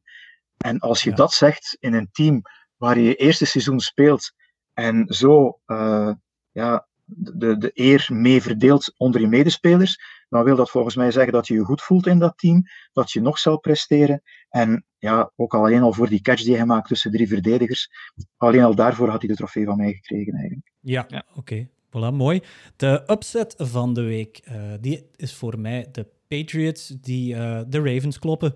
Ja, de, als, als ik er geld op moest zetten, uh, ja, ik had, ik had sowieso een euro, een euro of, of, of 20 op de Ravens gezet waarschijnlijk. Maar dan, uh, ja, dan staat de offensive coordinator aan de kant van de Patriots inderdaad. Jurgen zei het daarnet. Die toverde een heleboel, uh, ja, een heleboel trick plays toch ook uit zijn hoed. Dus voor mij de upset van de week, de Patriots die de Ravens kloppen. Jurgen, wie is voor jou de verrassing van de week qua uitslagen? Om, om, om, het kort te houden, ik kan mij daar volmondig bij aansluiten eigenlijk. Ja. Oké, okay, voilà. Dirk? Ja, ik kort nog even Giants-Eagles terughalen. Dus Daniel Jones ging twee weken gereden letterlijk, uh, letterlijk uh, op zijn bek. Met zijn, met zijn gezicht op de grond. Inderdaad, op zijn bek is veel beter gezegd. uh, maar sindsdien dus wel twee, twee wins opgeraapt tegen de Eagles, die eigenlijk wel favoriet waren. Ja, ja want hij, hij, vertrok ook weer al in deze wedstrijd met een run. Hè, en ik hield mijn hart vast. Ik zag hem gaan. En Laurens, die een achtergrond in atletiek heeft, die, had waarschijnlijk, die zag en die zag dat het goed was waarschijnlijk deze keer. Want hij liep, hij liep hem binnen deze week. Goed, dan kijken we ook vooruit naar week 11. Ik heb daar met een grote rode stift de Chiefs tegen de Raiders uh, omcirkeld. De Chiefs die, we, die uh, vanuit een bye komen. En de Raiders die zich toch meer en meer als een echte playoff contender um, beginnen te tonen. Dat is voor mij de, ja, de, de must-see wedstrijd. Jurgen, maak nog eens wat reclame. Uh, wel, er zijn drie must-see-wedstrijden. Uh, die, die jij al met rood aangestipt hebt. De ja. Chiefs uh, tegen de Raiders. 20 over 2 de nacht van zondag op maandag op 11 Sports. En dan zondagavond 25 over 10 de Green Bay Packers op bezoek bij de Colts. Toch ook wel een leuke matchup. Ja. Rodgers tegen Rivers. de Colts die vorige week toch voor mij ook uh, verrassend gaan winnen zijn bij de Titans. Niet zo'n grote upset als uh, de, de Patriots die gewonnen hebben van de Ravens, maar toch ook wel een, een serieuze prestatie. Uh, waarbij Frans trouwens zondag commentaar zal geven. En dan de, de wedstrijd van donderdagnacht, ook om 20 over 2, de, de Seahawks tegen de, de Cardinals. Dat is er, ook, we hebben het er al over gehad, maar dat is dus ook wel een, een must-see game, denk ik. Ja. Dirk? Ja, voor mij ook die wedstrijd. En ik vind het jammer Uh, want ik hoop altijd dat op Thursday night er een, een stinker geprogrammeerd staat. Uh, want die kan ik eigenlijk nooit zelf zien omwille van het tijdstip. Maar Card Seahawks is eentje die ik dus morgens wel uh, snel de, de 15 minuten samenvatting van zal meepikken. Oké, onze surefires van de week eigenlijk, de locks of the week. Um, we volgen onze traditie. Je kiest een wedstrijd waarvan je zegt van die gaat, uh, allee, die ploeg gaat die ploeg zeker kloppen. En we blijven aan de traditie volhouden dat we geen Jets game mogen kiezen. Um, dus dan ga ik voor de gemakkelijkheidshalve toch de Steelers kiezen over de Jaguars. Ondanks dat de Jaguars toch de Packers het deze week echt moeilijk hebben gemaakt. Dirk, wie is jouw surefire van de week? Uh, ik denk Vikings tegen Cowboys. De Vikings zijn on roll met Delvin Cook. En de Cowboys weten volgens mij nog altijd niet wie ze nu als QB gaan moeten gebruiken. Het zou wel Andy Dalton zijn deze week, maar ik hoop dat hij hersteld is van zijn één hersenschudding, twee COVID. Uh, maar ik denk dat uh, de Vikings de Cowboys gaan oprollen. Alright. Jurgen? Geen verrassing. Dolphins tegen de Broncos. ja. Surprise. Ja, um, nu, het is Shortfire zou ik het niet durven zeggen. Mm -hmm. uh, het is een mile high.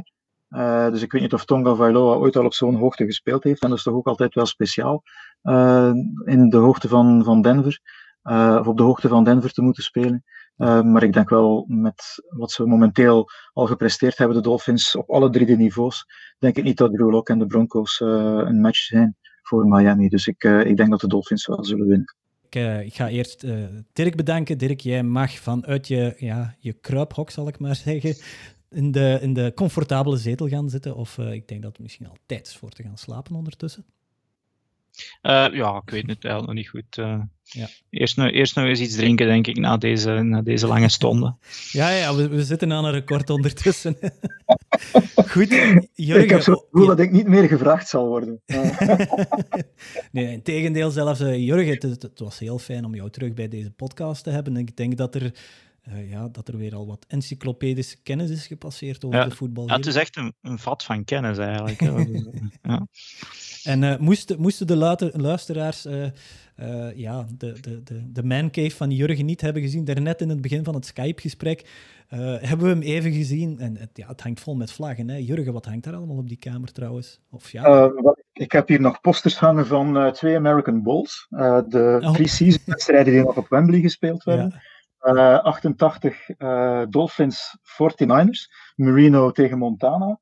Uh, dan het jaar daarna hangt er ook nog bij, 89. Um, dat waren de Redskins tegen de 49ers opnieuw. Um, maar dan gesigneerd door uh, Brad Edwards. Was een safety van de, van de Redskins, maar ook door Wesley Walls. Die dan nog voor de Carolina Panthers gaan spelen is. En eigenlijk alle records voor een tight end had tot Greg Olson die verbeterd heeft. Ja. En dan hangt er ook nog een poster van Super Bowl 22 in San Diego. En dan ook nog eentje van 24 in New Orleans. Er hangen nog vlaggen van de wedstrijden International Series uh, van de Bengals en van de Rams die in Londen gespeeld zijn. ook nog een doekje van 50 seasons van de Miami Dolphins. En dan ook nog een aantal wimpels. Super Bowl 30, de eerste die ik van ter plaatse gedaan heb, met daar ook nog het uh, parkeerbriefje uh, bij, dat we op de parking van het Sun Devil Stadium mochten gaan staan. En dan ook nog een heel aantal winkels. De oude nog van de Buccaneers, de 49ers, uh, de Packers, uh, de San Diego Chargers nog, uh, de Jaguars, de Redskins ook nog en nog de Los Angeles Raiders. Dus we komen al van ver. En dan staat hier ook nog een Championship Bowl van uh, de Rams toen die Super Bowl 34 gewonnen hebben. Dus er staat zo'n beetje van alles, maar het is uh, ja, heel veel ja, Je hoorde je echt zo van, van, van je computer weggaan om te kijken wat er allemaal hing. Het, volgens ja. mij ben je echt 360 graden rondgegaan in die kamer. Ja, inderdaad, dat klopt. Jurgen, echt uh, bedankt voor, voor deze keer. We hopen je natuurlijk snel terug te zien in deze podcast. je bent altijd welkom. Als ik nog één keer reclame mag maken. We gaan bij ja. Eleven ook een uh, Thanksgiving special opnemen van 25 minuten. In het kader zoals ze ook de 11 Minutes hebben, uh, die ze op de Jupiler Pro League uh, mm -hmm. kanalen tonen, gaan we ook voor Thanksgiving iets speciaals doen rond de NFL. met daarin ook um, de, de beste spelers, topteams in de beide conferences, beste spelers, verrassingen en dergelijke meer. Um, en dat zullen we waarschijnlijk ook herhalen naar de playoffs toe. Dus het is een, een probeersel. Dus ik hoop dat het, dat het jullie zal bevallen. Ja. En dan natuurlijk daarop volgend komen de drie wedstrijden van Thanksgiving. Die krijgen jullie alle drie te zien voilà. op uh, 26 november. Voilà, Turkey Football op 11 Sports. U hebt het hier gehoord. Goed, dit was het voor de 24e aflevering uh, van de American Football Community Belgium podcast. Deze week dan in samenwerking met uh, de NFL 11 Sports Facebookpagina ook. Volgende week de 25e aflevering, toch een kleine mijlpaal denk ik in onze podcast. Maar wij hopen jullie in ieder geval volgende week terug te zien.